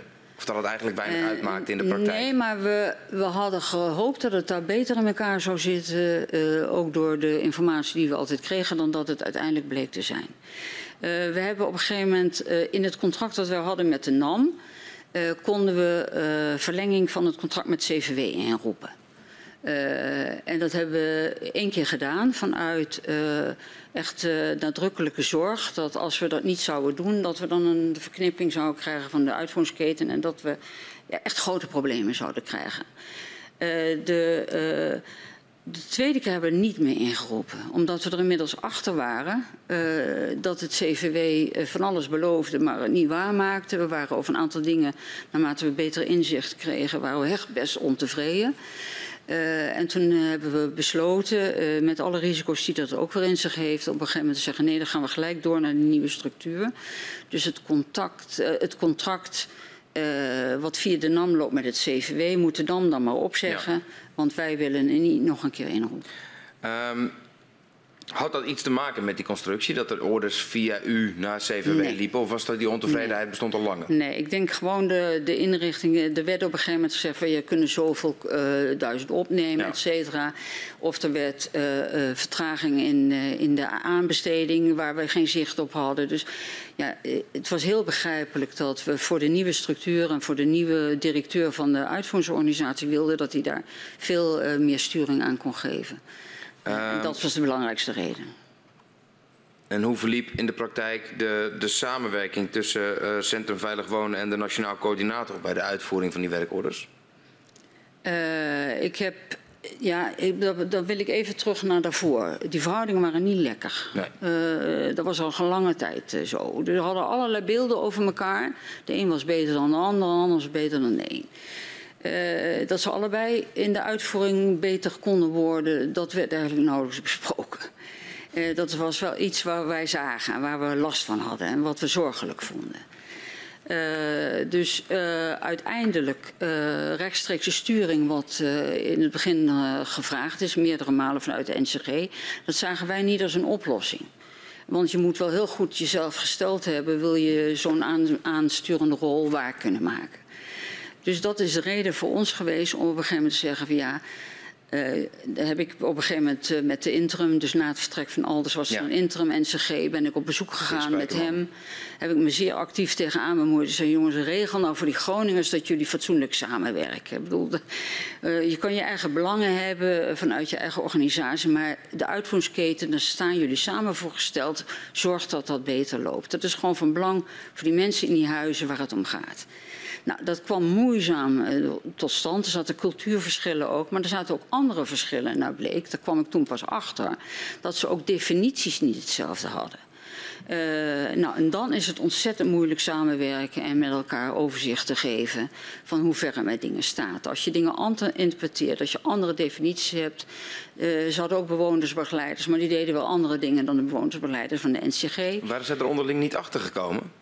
Het lijkt me dat als je allebei in Nou, dezelfde er was- provincie en ongeveer hetzelfde werkt, dat je dan op een gegeven moment merkt als je andere definities Je, hanteert. je- ik had gehoopt dat dat zo was, maar het bleek in de praktijk dat er heel veel beelden over elkaar waren. Maar Ja. dat de echte oprechte open verkenning van waar ben jij goed in, waar ben ik goed in, wat kunnen we samen beter doen. Dat die eigenlijk door die, die, ja, toch die oordelen over elkaar nooit goed tot stand gekomen is. Heeft u toen al vrij snel de knoop doorgehakt? Ehm, uiteindelijk gaan we die versterking bij Centrum Veilig Wonen weghalen? Of? Nou, uiteindelijk is dat gebeurd in overleg met de aandeelhouders van het eh, CVW. Daar heeft de SG eh, vanuit zijn eigenaarschap voor de uitvoeringsorganisatie eh, en voor de NCG. en dus ook voor het inroepen van de eerste keer van het, van het contractverlenging. En de Ja. tweede keer hebben wij de, de aandeelhouders van, van het CVW-eigenaar verteld dat we dat niet gingen doen en waarom niet. Toen hebben we stevig gezegd wat we ervan vonden, ja. Waarom moest de versterkingsoperatie onder overheidsverantwoordelijkheid georganiseerd worden? De operatie Eh, zelf. We hebben op een gegeven moment met, met eh, schade hebben we gezien eh, hoe, hoe goed je dat kunt doen. Eh, en we hebben op een gegeven moment eh, ook gemeend dat eh, eh, bij versterken het van belang is dat eh, op een gegeven moment een goed georganiseerde, gereguleerde organisatie is die op een gegeven moment ook eh, eh, financieel ervoor gesteld kan zijn, et cetera. Eh, dat we echt de verantwoordelijkheid overnamen, eh, dat hebben we moeten inplaatsen in, in de contractdiscussies die we hadden met de NAM. Eh, dus als je op een gegeven moment zegt, ik ben publiek verantwoordelijk voor eh, schade eh, en financiële afrekening moet via een ander lopen, dat was bij Versterken natuurlijk niet anders. Dus dat moeten we, moesten we helemaal goed, goed gaan regelen en gaan verkennen. Uiteindelijk is eh, ervoor besloten om de bestaande organisatie, NCG, verder uit te bouwen. De discussie met de regio over aansturing hebben we toen ook vorm kunnen geven. Alle partijen eh, waren eh, tevreden als we in die, die constructie verder zouden werken. En toen hebben we ook eh, zeg maar de, de, de wetgeving en alles wat erachter nodig is, hebben georganiseerd. Ja, dus de uh, aanname was dat uh, de versterkingsoperatie die daarvoor onder regie van de NCG plaatsvond, op, vanaf dat moment onder uitvoering van de SG, NCG zou plaatsvinden, dat dat een verbetering zou opleveren in de aanpak van de versterking. Ja, mits we natuurlijk wel aan de binnenkant van de NCG nodige zouden moeten verbeteren. en die discussie hebben we ook gehad toen eh, de interimfase, dus na het vertrek van Alders, een interim nodig was. Ik heb me heel erg sterk gemaakt om daar een uh, echte uitvoeringsmanager uh, op te zetten, omdat ik dacht dat dat zou gaan helpen. Uh, uiteindelijk is het compromis gekozen om er toch tijdelijk, ook vanwege de representatie in, in, de, in de wijken en, en, de, en de bewonersbijeenkomsten, et cetera, om dat toch een tijdje, in, zij zwaar, eh, interim een bestuur, eh, bestuurlijk eh, iemand zetten. Maar uiteindelijk uh, had ik liever gehad dat we er in ieder geval toch ook in de uitvoering nog een zware directeur naast hadden zetten. Is toen niet gekozen. later is er met de benoeming van Peter Spijkerman wel iemand van dat kaliber opgezet. En nou, toen konden ook aan de binnenkant van de NCG die organisatie omgevormd worden, verbeterd worden tot een echt goed, goed geleide uitvoeringsorganisatie. Uh, wat vond u ervan dat de gemeente de aansturing uh, van de versterkingsoperatie zouden gaan vervullen? Nou, dat was een uitdrukkelijke wens. We hadden, we hadden geen reden om te zeggen dat kan niet of zo. Dus uh, uh, ik heb ze wel regelmatig gewaarschuwd wat dat betekende. Uh, wat zag u voor risico's? Nou, uh, het betekent heel concreet dat je met elkaar samen verantwoordelijkheid draagt voor de totaal van de operatie. En niet alleen voor je eigen gemeente of je eigen stukje. Uh, we kwamen uit een situatie dat de gemeentes, met name in een politieke oriëntatie, zeker in het begin van de regeerperiode, heel erg bezig waren met hun eigen plannen. Uh, uh, maar het, het, gezamenlijk verantwoordelijk dragen voor het totaal heb ik toen niet altijd gezien. Uh, dus dat waar, hadden wij best zorgen over. Uh, aan de andere kant. En die wens ja. was nadrukkelijk naar voren gebracht vanuit de gemeente zelf? Ja, vanuit de gemeente zelf, vanuit de regio, gesteund door de provincie. Gesteund door de provincie. Uh, wat er niet lag op dat moment, dat heb je eigenlijk voor goede gebiedsontwikkeling wel nodig, is echt een gebiedsvisie, zodat je van elkaar ook weet van waar zijn we bezig. Uh, en en wat, uh, wat doe ik bij mijn gemeente wat jou raakt, of in capaciteit van bouwen, beschikbaarheid of wat dan ook. Dus dat, uh, dat zijn wel allemaal dingen die wel cruciaal zijn en waar de gemeentes met, uh, met de provincie allemaal samen hard aan moeten werken om een soort kader te hebben waarbinnen je dan dat soort dingen plaatst. Maar ja, we hadden ook elders in het land is wel vaker uh, gebiedsontwikkeling bedreven. Dus waarom zouden wij eraan twijfelen dat dat in Groningen niet ook kon? Extra gecompliceerd is wel dat je een veiligheidsopgave erin probeert te vlechten. En daar hebben wij regelmatig wel gesprekken met, met de gemeentes er over gehad gehad van kun je dat wel? Uh, want we blijven uitgaan van de meest onveilige huizen eerst. Dus dat en wat kreeg u dan wel. voor reactie terug van de gemeente? Uh, dat ze dat wel konden. Ja. En zat er ook verschil tussen gemeenten? Nou, in het begin dat vond ik wel heel opvallend. Het was natuurlijk heel kleinschalig georganiseerd. Dus we starten met uh, uh, heel veel gemeentes. er waren natuurlijk wel wat. Ja, er waren herindelings. Er waren herindelingen die speelden. Dat ging echt helpen. Ja. Dus dat, dat, dat, dat ja, dan is het nog. Dat je zegt van is het een schaal waarop je dit, dit samen kan. Uh, wat, uh, ja, je moet er apparaat voor hebben. Je moet een goed gestelde uitvoeringsorganisatie hebben. Je moet de kracht ja. hebben van aansturing. Zeker, maar de uitvoeringsorganisatie, dat wordt de Nationaal Coördinator. Ja. Uh, wie stuurt de Nationaal Coördinator aan? Dat zouden dus dan de gemeentes gaan doen op basis van de, van de, van de, van de plannen. En de regio dus samen op het totaal van, van, van de plannen. Hoe was dan de verantwoordelijkheidsverdeling tussen de Rijksoverheid en de gemeente geregeld richting uh, de Nationaal Coördinator Groningen? Nou, we hebben op een gegeven moment nog, uh, dat heeft u ongetwijfeld kunnen zien, uh, overdracht gehad naar BZK. Ja. Uh, dat heeft te maken met on, onder andere het feit dat we zagen dat uit alle adviezen ook naar voren kwam dat de opgave kleiner en anders zou worden. En uh, dat uh, de wens van de regio nadrukkelijker was om het in te vlechten in de gebiedsaanpak. En dat was gewoon qua expertise Uh, en ook het feit dat er veel woningcorporaties bij betrokken waren, was gewoon meer de expertise van BZK dan EZK. Dus we hebben op een gegeven moment ook gezegd, EZK, EZK moet dat eigenlijk gewoon niet direct qua sturing aan zich willen houden. hier is BZK veel beter toe in staat om ook de gemeentes te helpen en te ondersteunen in die rol die ze dan willen gaan waarmaken om als gezamenlijk bestuur vanuit de regio dit hele proces aan te gaan sturen. Dus dat was voor ons toen de reden om, uh, om, uh, om die, die uh, overdracht naar BZK te organiseren. Ja, nou, maar dan het antwoord op mijn vraag. Hoe is dan de verantwoordelijkheidsverdeling tussen de Rijksoverheid en de gemeente richting de NCG? Nou, dat betekent dat het eigenaarschap uh, dus de betaling van de mensen, de loonlijsten, et cetera, de arbeidsvoorwaarden is rijk. Ja.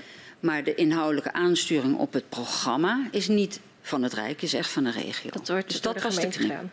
Um, deze verschuiving, nadat de gemeenten de aansturing kunnen doen van de, van de NCG als het gaat om de uitvoering van de versterkingsoperatie, heeft dat geleid tot een verbetering in de aanpak? Ja, ik weet niet wanneer je dat moet meten. Dus dat vind ik een beetje lastig. Kijk, we hebben uh, met elkaar uh, echt uh, flinke gesprekken gehad van uh, over eet je er niet aan, hoe, hoe manage je het, krijgen we niet aanloopproblemen, et cetera. je kan nooit de toekomst helemaal voorspellen en uitrekenen. we wisten ook niet on detail op dat moment van het verschijnen van de Mijnraadrapport en zo, wat er echt aan die huizen moest gebeuren. Dat, dat wordt nu allemaal duidelijk. Uh, we hebben heel bewust ervoor gekozen vanuit EZK om dan wel uh, zeg maar de veiligheidsnormering om die wel aan ons te houden. Omdat die direct gekoppeld uh, was aan de verantwoordelijkheid van de minister. Dat begrijp ik, maar ik ga toch even terug naar mijn vraag. Ja. Heeft deze keuze geleid tot een verbetering in de aanpak van de versterking? Nou, ik, ik schets dat brede verhaal. Is, ik zeg, het is niet antwoord op uw vraag, maar het is wel de context waarbinnen je die vraag kunt beantwoorden. Want feitelijk hoopten wij dat het tempo uh, op, zou, op zou komen. We hoopten dat het sneller zou gaan. Maar ik leg u net uit dat die uh, gebiedsgerichte aanpak uh, ook niet uitgekristalliseerd was. als je het objectgericht gedaan zou hebben, zou mijn antwoord waarschijnlijk met meer stelligheid ja zijn. Dan dat ik het in de context van de gebiedsontwikkeling durf te zeggen. Ik ben er nou niet meer van, dus ik, ik, volg het nu als interessante, uh, geïnteresseerde krantenlezer. Maar ja, ik, ik, kan dat niet goed inschatten. Ik weet wel dat het door de gebiedsgerichte aanpak ingewikkelder is dan als je simpele maatregelen, dat zei ik in het begin van het gesprek ook al, als je simpele maatregelen objectgericht zou aanpakken. Maar de wens in de regio was nadrukkelijk om het gebiedsgericht te willen doen. En dat hebben wij niet willen verhinderen of wat dan ook. De, die ruimte hebben wij willen geven. Helder. Hebben de minister en u in dat opzicht uw verzet gestaakt? Want eigenlijk al vrij lang geleden in het gesprek hadden we het over de verschillende opvattingen van de versterkingsoperatie. Gebiedsgericht versus eh, objectgericht. U wist dat wanneer de verantwoordelijkheid naar de gemeente zou gaan, zij zouden kiezen voor een meer gebiedsgerichte benadering. Ja, ja en dat recht hebben ze. Bedoel, zo, zo simpel is het. Het zijn hun bewoners, het is hun gebied. Uh, hebben ook geacteerd in het Nationaal Programma Groningen. Daar hebben we ons alleen maar uh, bemoeid met het regelen van het budget, maar niet met de toedeling aan, uh, aan, aan projecten, programma's of de, of de plafonds die erin gelegd werden. Zijn we wel betrokken bij geweest, als, gewoon om te helpen waar dat nodig was. Maar dat waren keuzes heel bewust aan de regio. Um, wat waren de bestuurders in de regio waar u het meest uh, overleg mee had? U schetst een beeld van een vrij uitgebreid bestuurlijk, uh, het bestuurlijk intensief, laat ik het zo zeggen. Ja. Nou ja, het begon natuurlijk met uh, de vraag van de minister toen hij net was aangetreden in het gesprek met Paas. Wij willen dat rechtstreeks contact, willen we allebei. Probeer dan te regelen dat er een kleine delegatie uit de regio met mij overleg voert. Nou, binnen de kortste keren was duidelijk dat dat er niet ging lukken. Dus op een gegeven moment toen wij starten hadden we de grootste zaal nodig die, die, er, die er maar was. Ah, op die manier niet lukken. Ja, Juist, ja. Uh, want we hadden te maken met twaalf burgemeesters aan tafel, twee gedeputeerden, een CDK, NCR als adviseur, twee maatschappelijke partijen en dan één minister. Dat was de, de setting waarin we begonnen. Het was de setting nadat het verzoek gekomen was om te komen tot een kleine delegatie. Ja, want dat lukte dus niet in de regio. Uh, had allerlei oorzaken, maar dat lukte niet. Uh, Wat waren die oorzaken? Nou ja, ik, ik kan het alleen maar interpreteren als volgt dat men elkaar uh, onvoldoende vertrouwen, vertrouwde dan wel dingen toevertrouwde. Ik was het uit eerdere dossiers ook niet gewend geweest dat dat niet gebeurde of niet lukte. Dus het verbaast mij echt. Heeft u bij een deel van die delegatie nagevraagd? Is er dan een afloop een gesprek met, ik noem maar, de commissaris van de Koningin, zo van, joh, we hadden toch een kleine delegatie afgesproken? Ja, tuurlijk is dat gesprek tussen de minister en hem uh, geweest. En ja, dat moet zijn tijd hebben. Dat is ongeveer, ongeveer denk ik, het antwoord geweest. Daar ben ik niet bij geweest, hoor. Maar... En hoe verliepen de overleggen zelf? Uh, we hebben vrij. Uh, nou, in, in, het begin, toen afgesproken is, we gaan overleggen met elkaar aan, aan tafel, is ook afgesproken hoe doen we dat dan? Er is even heel kort geopperd van moeten we dan een onafhankelijk voorzitter hebben? Uh, andere bestuurlijke figuren. Toen hebben ze met elkaar geconstateerd nee. Maar laten we ons wel onafhankelijk laten ondersteunen. Zodat onze eigen apparaten met elkaar in, in een ja, onder regie van een andere partij die er verder geen belangen bij heeft uh, aan het werk uh, gaat. En dat is BCG geworden. Dat contract hebben wij toen georganiseerd. En BCG heeft dus eigenlijk al die expertteams geleid. Die heeft de vergadering met de bestuurders onafhankelijk voorgezeten. En zo is, uh, zo is dat proces gegaan. Nou, dan, dan, dan, had je een agenda en dan ging je met elkaar het gesprek aan over onderwerpen die dan wel door de een, dan wel door de andere partij, dan wel gezamenlijk op de agenda waren gezet. Hoe gebruikelijk was het dat er een extern consultantsbureau moest worden ingehuurd om een overleg tussen mede-overheden te faciliteren? Uh, het is niet nooit vertoond, laat ik het zo zeggen, maar het is niet, niet doorgaans gebruikelijk. Uh, uh, maar het leek, het leek nodig om de reset te krijgen op de onderlinge verhoudingen en de vrijheid te voelen van twee kanten om het gesprek met elkaar aan te gaan. Ehm, merkt u verschillen in opstelling tussen de diverse gemeenten? Of was dat redelijk uniform? Ja, dat merkten we zeker in het begin. Uh, we hebben toen ook uh, uh, meermaals meegemaakt dat we het ene bespraken aan de ene tafel en vervolgens hoorden in andere circuits in de regio werden andere dingen gezegd. Dus daar is de minister ook wel bij Paas op aangedrongen van probeer dat beter te coördineren. Dat overleg is toen op een gegeven moment ook ontstaan in de regio. Afstemmingsoverleg ter voorbereiding op het overleg met de minister. Dat heeft ook geholpen, dat we het eenduidiger daardoor. Op welke issues liep dat dan aanvankelijk spaak? Op welke issues liep dat aanvankelijk spaak? Dat er, nou, uh... op de. Kijk, het lastige van zo'n vraagstuk is dat je natuurlijk altijd eigen belangen hebt, belangen van je gemeente. Ja. Uh, maar hoe maak je je met elkaar samen verantwoordelijk voor het grotere belang? Nou, daar liepen dingen wel op spaak. Zag u daarin soms ook verschillen tussen de gemeenten en de provincie als bestuurlijke rondom het nationaal programma wel bijvoorbeeld. Uh, er is een hele stevige discussie gevoerd over welk geld naar de wijken en naar de gemeentes mocht. En welk geld voor economische ontwikkelingen en dat soort dingen. Daar merkte je dat. En waren die discussies dan afgerond tegen de tijd dat het Rijk erbij kwam? Werd dat ook onderling afgestemd of moest u dan... Mm, nee, dat, dat gebeurde vaak ook in het nationaal programma overleg en daar schoven wij aan.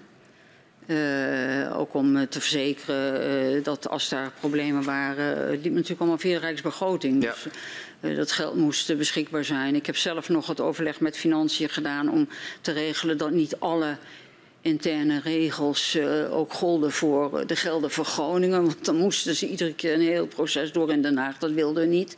Is uiteindelijk ook afgesproken dat er een milder regime van verantwoorden zou -hmm. gelden. Want we wilden echt oprecht dat de regio zelf die keuzes maakt. En dat, uh, die ruimte hebben ze ook gepakt en uh, de programma's ook gemaakt. En we hebben dat gevolgd verder. ehm, was iedereen altijd voldoende toegewijd aan de gemaakte afspraken? Was de commitment over wat er afgesproken werd dat dat ook ging gebeuren? Nee, daar zat grote ergernis. Daar zat grote ergernis bij de minister. Uh, we hebben meermaals, meege meer meerma nou, we hebben meermaals meegemaakt dat we afspraken maakten en dat dan via de media andere dingen werden gezegd. Uh, of dat uh, als, je, als je met elkaar afspreekt, de meest onveilige huizen eerst, en die zitten toevallig niet in jou, maar in een andere gemeente, dat je dan toch blijft zeggen, ja, bij ons gaat het gewoon door allemaal. Dat, dat soort dingen, dat, dat gaf dat gaf ruis. Dat, uh, dat werd heel vervelend gevonden. Ja. Uh, heeft u een voorbeeld van dat eerste? Zeg maar dat, er, dat er afspraken gemaakt werden en dat die dan vervolgens meteen via de media uh, van tafel moesten? Ja, we hebben op een gegeven moment bij een bijeenkomst afgesproken aan het eind van ja, wat communiceren we nou? En nou, toen werd er gezegd, ja, we zijn nog niet ver genoeg om een goed samenhangende communicatie uit te dragen. Laten we het zien als een tussen, tussensessie en volgende keer praten we verder.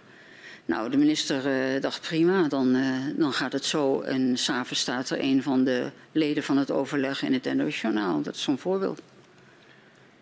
En wat zegt zo iemand dan in het, in het journaal? Ja, voor wat hij voor zijn eigen verantwoording daar, daar zegt. Maar in ieder geval, ik vond het niet erg herkenbaar persoonlijk dan. De minister ook niet met wat smiddags allemaal besproken wordt. Over wie hebben we het dan? Moet ik dat hier zeggen? Ik kan me voorstellen dat het behulpzaam is voor ons onderzoek. Nou ja, u kunt uh, nagaan uh, rond die tijd van overleggen uh, dat het een van de burgemeesters was. Dat is waar. Maar dan moeten we wel alle NOS-journaals gaan terugkijken. Ja. zou u het willen zeggen? Als, okay, u, het heel als u, als u dan... dat op die manier vraagt, ja. dan zal ik moeten. dat was Siemenstra. Dank u wel. De schadeafhandeling en de versterkingsoperatie zijn in uw uh, tijd als uh, projectdirecteur-generaal bij de verschillende uitvoeringsorganisaties ondergebracht. De schadeafhandeling bij de Tijdelijke Commissie Mijnbouwschade Groningen, de TCMG. Uh, de versterkingsoperatie bij de Nationaal Coördinator Groningen. Ehm, de Tweede Kamer, het Groninger Gasberaad, de Groninger Bodembeweging, de mensen hebben nadrukkelijk uh, hun wens uitgesproken voor één loket. Waarom is deze keuze gemaakt om het te beleggen bij twee verschillende uitvoeringsorganisaties? Dus straks heb ik al wat uh, dingen gezegd. We hebben die discussie op een gegeven moment ook gevoerd van hoe kunnen we het niet toch bundelen. uiteindelijk hebben we ertoe besloten dat, dat het mogelijk moest zijn eh, omdat het toch twee verschillende processen zijn met een, verschillende tijdshorizon.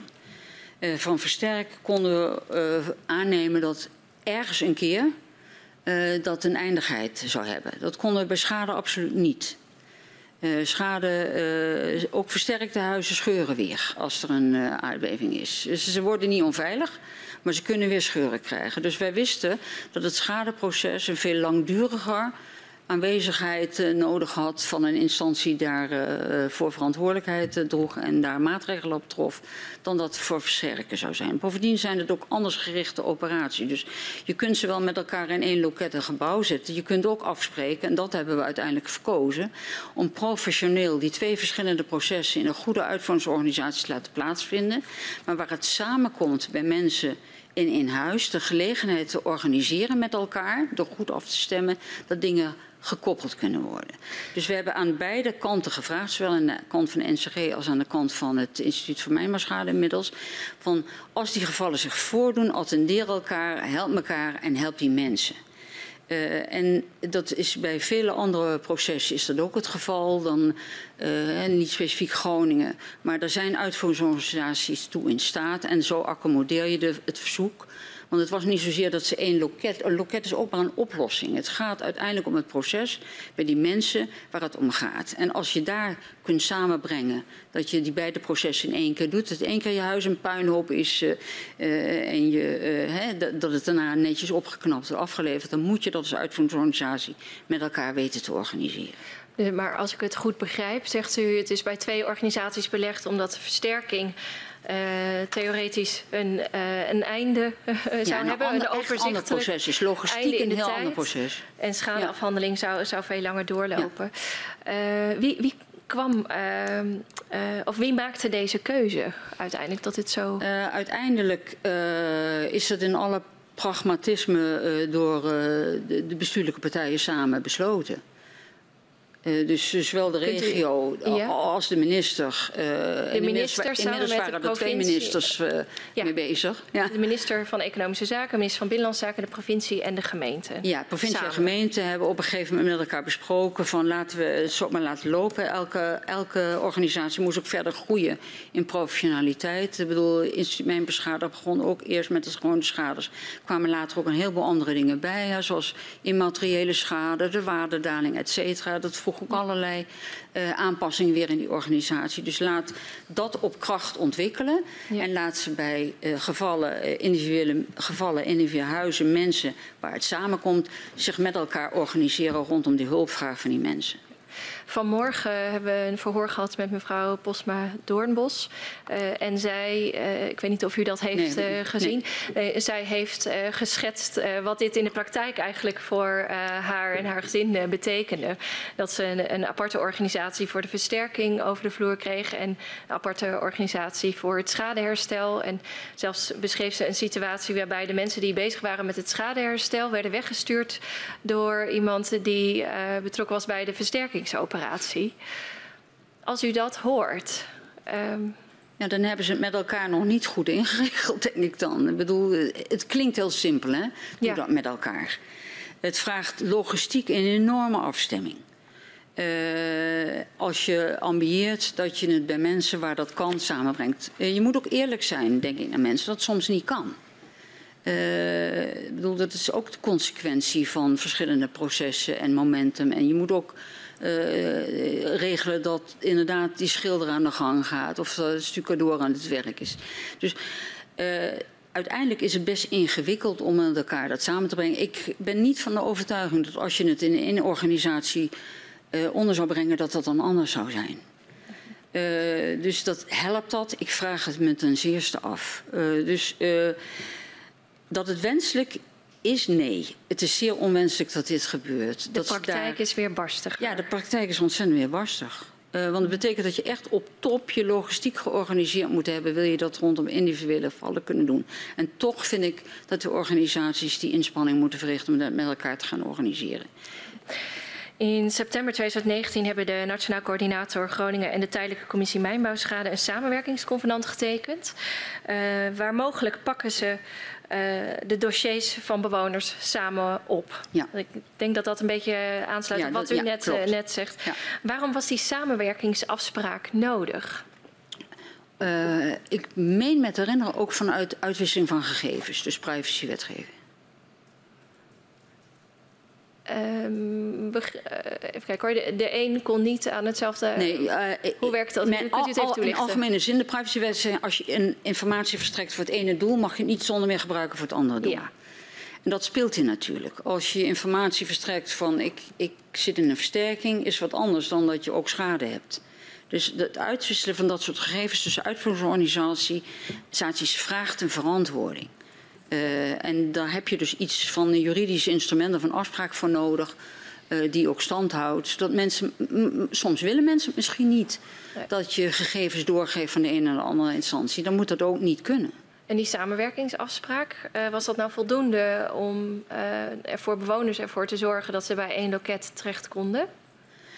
Ja, dat weet ik niet uit de praktijk. Dat is, uh, bedoel, ik ben echt uh, in die periode, bedoel, we waren nog aan, aan de sleutel aan de wetgeving, et cetera. Dus ik, ik, was echt voor die twee jaar beleid verantwoordelijk. We hebben toen ontzettend veel gedaan om dingen klaar te zetten. Wetstrajecten liepen nog, et cetera. dus ik kan over de uitkomsten daarvan, ja, dat is van na mijn tijd. Daar kan, heb ik eigenlijk geen zicht op. De minister van Binnenlandse Zaken en Koninkrijksrelaties, mevrouw Ollongren, op dat moment schrijft in een Kamerbrief op 24 november 2021. Zo blijkt dat eigenaren en bewoners in het Groningse aardbevingsgebied nog onvoldoende merken van de samenwerking tussen deze ja. twee instituten. Uh, hoe kijkt u in het licht van die uitspraak aan tegen de scheiding uh, die is aange aangebracht tussen schadeaanpak en versterking? Ja, ik, ik, zei u net al, ik heb het antwoord volgens mij al gegeven. Ik geloof niet dat als je in één groot, één groot gebouw twee afdelingen heb je dezelfde problemen als dat er twee organisaties zijn. Het vraagt om die afstemming, het vraagt om die logistieke planning. Uh, dus het, het, het, samen, het fuseren is niet per definitie een oplossing. Het zit voor dit geschetste probleem. Er zijn nog eh, drie onderwerpen waar ik nog wat vragen over heb. Dan gaan we even weer terug, eh, wat mij betreft, naar het begin van uw eh, tijd als eh, projectdirecteur-generaal. Eh, want u zei toen, ja, het was de bedoeling dat de schade publiek geregeld eh, zou moeten worden. Waarom was dat een uitdrukkelijke wens, zoals ik begreep, eh, van u, eh, van het ministerie? Niet van ons, met name ook van de regio. Oké, en kunt u daar wat meer woorden aan wijden? Nou, het was natuurlijk heel ongemakkelijk dat eh, de NAM als bedrijf, eh, ook al is de staat daar een van de, van de partijen in, eh, ja, de problemen moest afwikkelen van het eigen proces, zijnde de winning. Dat gaf ongemak in de regio en het feit dat je aan de ene kant kan je zeggen de veroorzaker betaalt. Eh, de veroorzaker moet het ook oplossen, maar het gaat hier om mensen die in de mangel raakten binnen dat systeem. Dus de regio gaf aan, we willen dat NAM daar geen plek meer in heeft. Maar toch Ja. koos het ministerie dan voor gelijk publieke afhandeling. Was dat de enige alternatief? Ja, ik, ik, ik zou niet even goed weten hoe je het anders moest doen eh, eh, dan dat je in die verantwoordelijkheid stapt. Betek- betekent dat dat er geen andere alternatieven zijn overwogen om die wens van de regio ook eh, in ik praktijk te brengen? kan mij niet herinneren dat we veel alternatieven hadden in die tijd. Er, is, eh, er stond in het regeerakkoord stond het al, dus dat was voor ons karig. Eh, en eh, ja, ik, ik, ik- we hebben niet zeer actief gezocht of er nog een derde weg was. Tenminste, in mijn herinnering niet. Nee. Oké. Eh, u zei ook, hè, er waren drie pijlers toen ik begon. En eentje was het de beleid eh, voor veiligheid. En u eh, vertelde toen dat er, eh, en ik geloof dat u zei, indringende signalen waren dat er onveilige huizen niet in het, eh, ik noem het even, versterkingspakket zaten. Ja. Buiten de scope Ja. noemde u dat. Van wie kwamen die signalen? Die kwamen uit de, de, de regelmatige run die gemaakt werd binnen het HRA-systeem. En die run werd gemaakt door. Die draaide op de machines van de NAM, maar die werd aangevraagd door SODM en door, door ons voor de winning. Ja. En dat was, die kreeg gewoon regelmatig en daar stond dat in. Ja, en op een gegeven moment eh, werd, het, eh, werd het ook geduid eh, en door de NAM bij ons aangekaart ook. En hoe kaarten ze dat aan? Wat zei hij? Hoe, hoe kaarten ze dat aan? Nou, doordat ze, eh, zij waren natuurlijk in die situatie. eh, we waren nog niet ingestapt hè, eh, in de publieke ver- verantwoordelijkheid voor, voor versterken. Dat kwam pas veel later. Dus ze zeiden: we zijn verantwoordelijk voor de veiligheid. Eh, op aanspreekbaar. En we zien dat de operatie die draait, in ieder geval de gegevens die wij nu hebben, niet accommodeert. We zien huizen buiten de scope van die operatie die het meest urgent zijn. Dat waren er, dacht ik, rond de 100, 200 of zo in die tijd. eh, is een getal wat me bijstaat. Eh, en die komen we lange na niet aan de beurt, staan niet in de scope. Terwijl wij zien dat ze, in ieder geval op basis van de HRA, de grootste eh, veiligheids, onveiligheidsmarge hebben. Ja. Eh, dus dat was voor ons een signaal van wat is er eigenlijk aan de hand. ja. En, en wat was er eigenlijk aan de hand? Wat ging u dan doen met uw... Nou, dat, dat is toen op die bestuurlijke tafel gelegd. Want Dat, daar heeft uiteindelijk is die expertmeeting onder leiding van Paas eh, opgevolgd. die uiteindelijk in de terugkoppeling bleek niet tot prioritaire te kunnen komen. Ja. En u zegt dus de cijfers kwamen van NAM, maar die waren samengesteld uit een aantal eh, Ja. bronnen. Ja. Eh, maar NAM was degene die ook actief bij u dat signaal eh, onder de aandacht bracht. Ja, en wij hebben dat onmiddellijk gedeeld met de regio. Er is toen wel nog een hele intense discussie geweest. Omdat toen ook in reactie op dat NAM-signaal ook de NCG met aantallen kwam. En dat ging om duizenden. Eh, en dat lag ook op tafel in die expert meeting, zeg maar, onder leiding van de CDK. Er is ontzettend veel gesoebeld over geweest, weet ik. Eh, waarom duizenden? Wij begrepen de achtergrond van dat getal ook niet. Want als het buiten je scope zit, hoe kun je dat dan zo scherp inschatten? We zaten in de situatie dat we nooit een stabiel getal kregen eh, over de operatie. Dus we hadden wel wat twijfels bij dat soort inschattingen. Maar kort en goed, het is wel in die bijeenkomst met elkaar besproken, bij elkaar gelegd. Eh, maar het ging dus om huizen die nergens in beeld waren en wel eh, een behoorlijk hoog veiligheidsrisico hadden. Ja. Op basis van de normen die toen eh werden Ja, doorgerekend. ja het, het was Ja. 10 tot de min vierde. Dus kijk, uh, ze zeggen wel als je tussen 10 tot de min 4 en 10 tot de min 5 zit, in, dat, in die zone, dat is wel eens ook in de rapporten verschenen, dan heb je nog enige tijd voor het uh, aan de slag gaan en die veiligheid realiseren. Mm -hmm. Maar als het niet aan 10 tot de min 4 voldoet, dan heb je het echt over, over een categorie waar je zorgen over mag maken. Nou, die mensen waren niet in beeld, uh, wisten nog van niks. En wij wilden weten waar die huizen zaten. Ja. En als ze al in de scope zaten en ze hadden bijvoorbeeld in 1467 gezeten, dan wisten we dat daar al uh, aan het werk gegaan was en dat er misschien al zelfs nieuwe huizen stonden. Ja. Alleen het signaal was, ze zitten buiten de opgave. Ja. Dus het was een vrij indringend veiligheidssignaal. Ik snap het. Uh, verder sprak u ook over het na-L-effect. U vertelde dat uh, met, de, met het berekenen voor in 2017 hield, moest u rekening houden met de gaswinningen uit 2015. Ja. Zei u. Uh, ik vroeg me af in hoeverre nou dat na-L-effect is meegenomen, zeg maar, in de, ook de jaren daarna bij het berekenen van de veiligheid.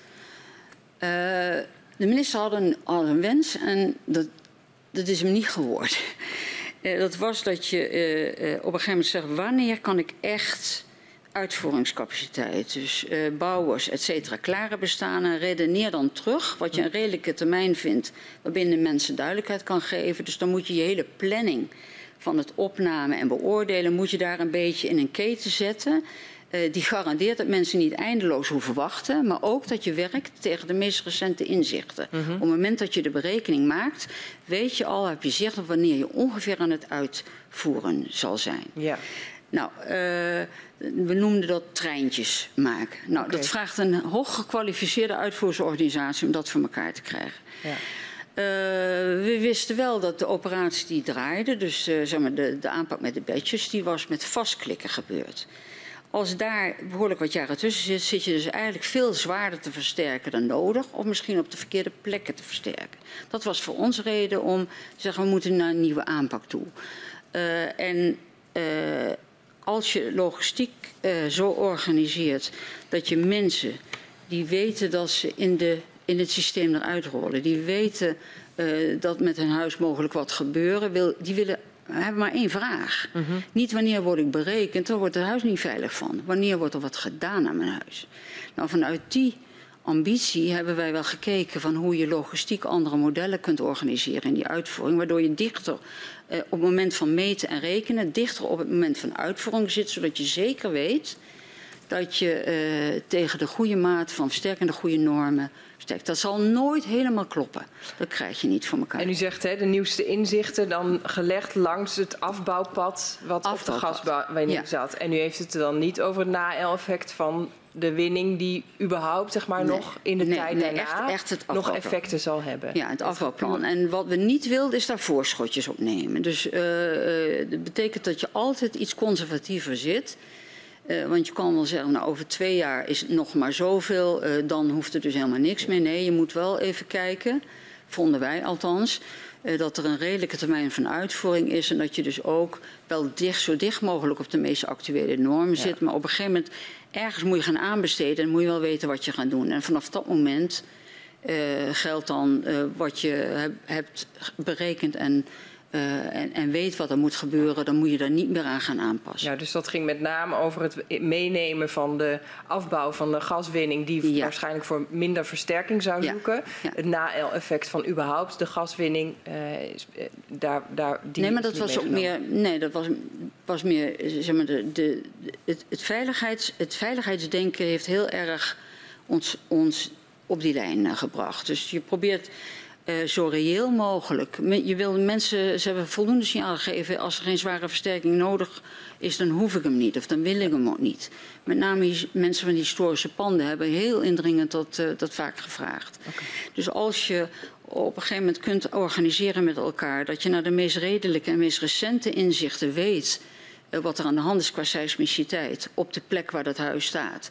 en weet welke norm voor het betreffende huis nodig is uh, qua uh, hoe krachten op het huis inwerken, dus wat er qua versterking mm -hmm. nodig is, dan geef je mensen een meest eerlijke veiligheidsverhaal en kun je ook zorgen dat het snel in uit, uitvoering komt. Dat was onze gedachte. Dank u wel. Um, wanneer het over de versterking gaat, dan um, geeft het staatstoezicht op de mijnen in mei 2019 een stevige waarschuwing af dat uh, 10.000 mensen kampen met stressgerelateerde gezondheidsklachten. En dat, dat toenemende maatschappelijke ontwrichting dreigt. Zij adviseren een zogenaamde crisisaanpak. Wat vond u van het advies? Van de? Ja. Dat was uh, uit allerlei onderzoeken ook van de Universiteit van Groningen en gesprekken. Minister en ik hebben ook in gesprekken met kinderen gezeten. Uh, uh, waarin dit soort signalen ook heel indringend tot ons gekomen zijn. Dus we wisten dat er ja, dat er hier in Groningen uh, ook, uh, ook in emotioneel opzicht een heel veel gebeurd is.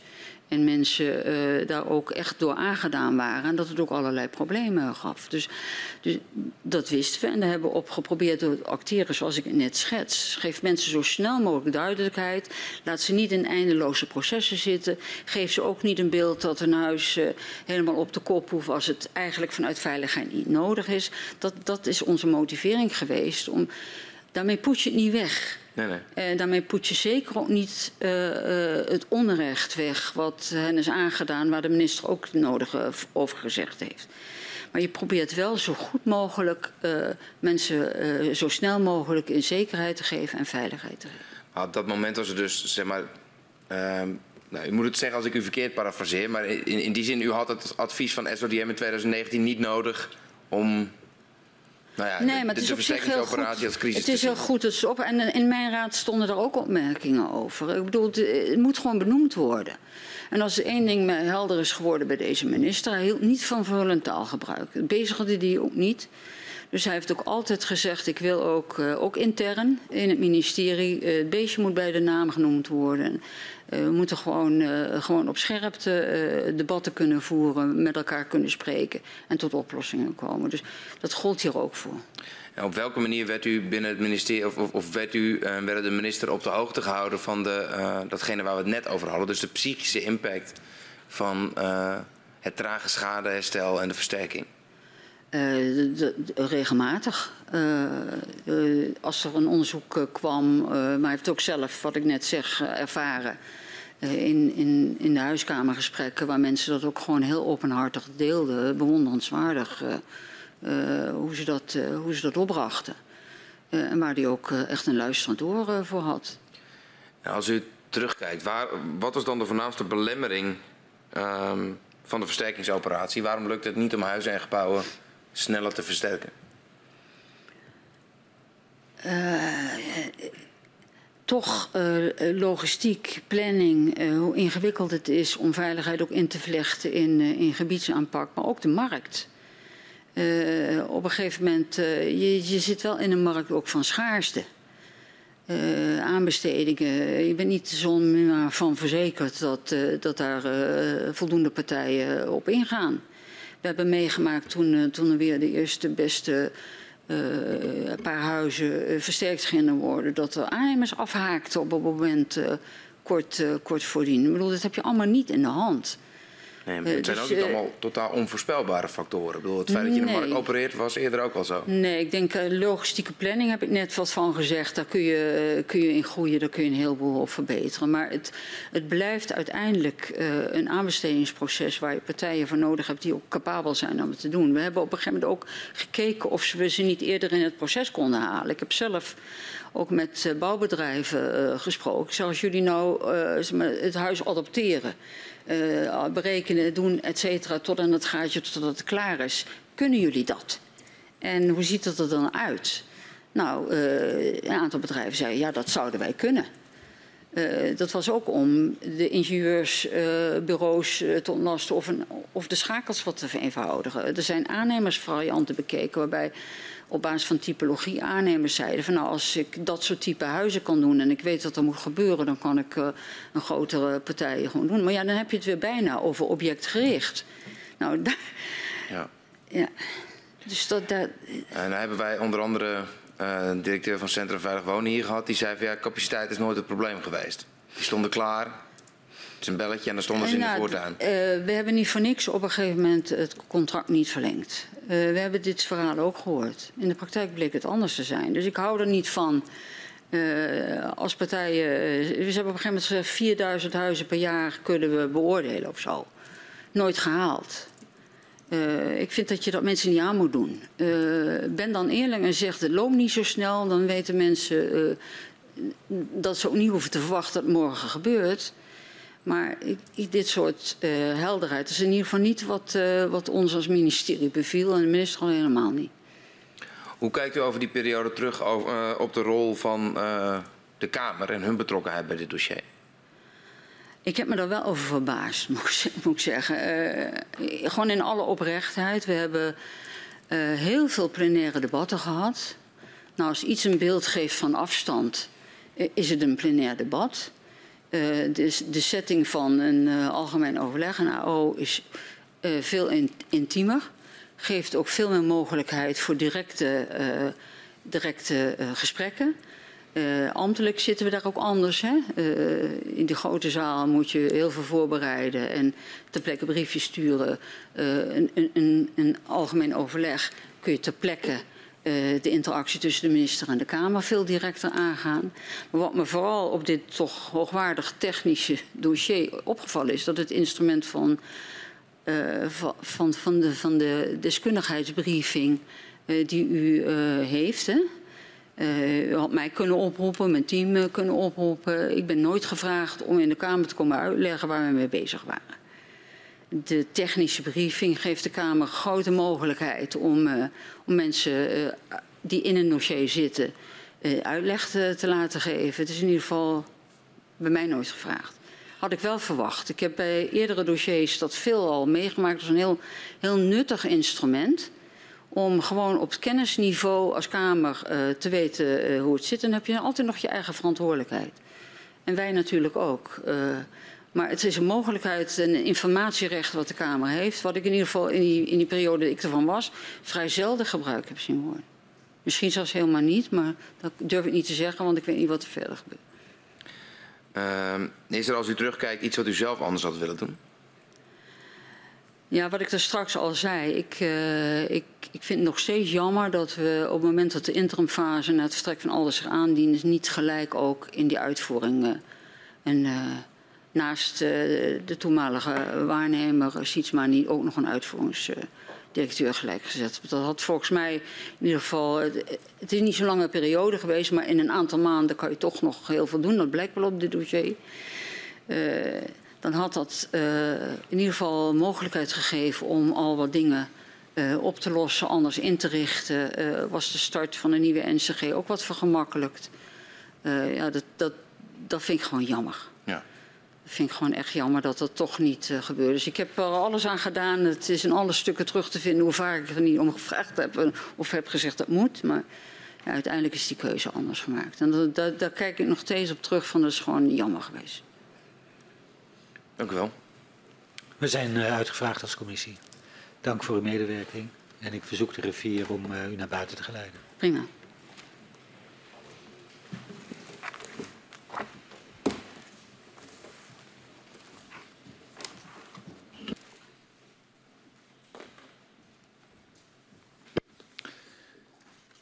Morgen uh, gaan we verder met een verhoor dat om twee uur zal uh, plaatsvinden met de heer uh, Van der Meijden, die uh, voormalig inspecteur-generaal van het SODM is geweest. Um, ik sluit de vergadering.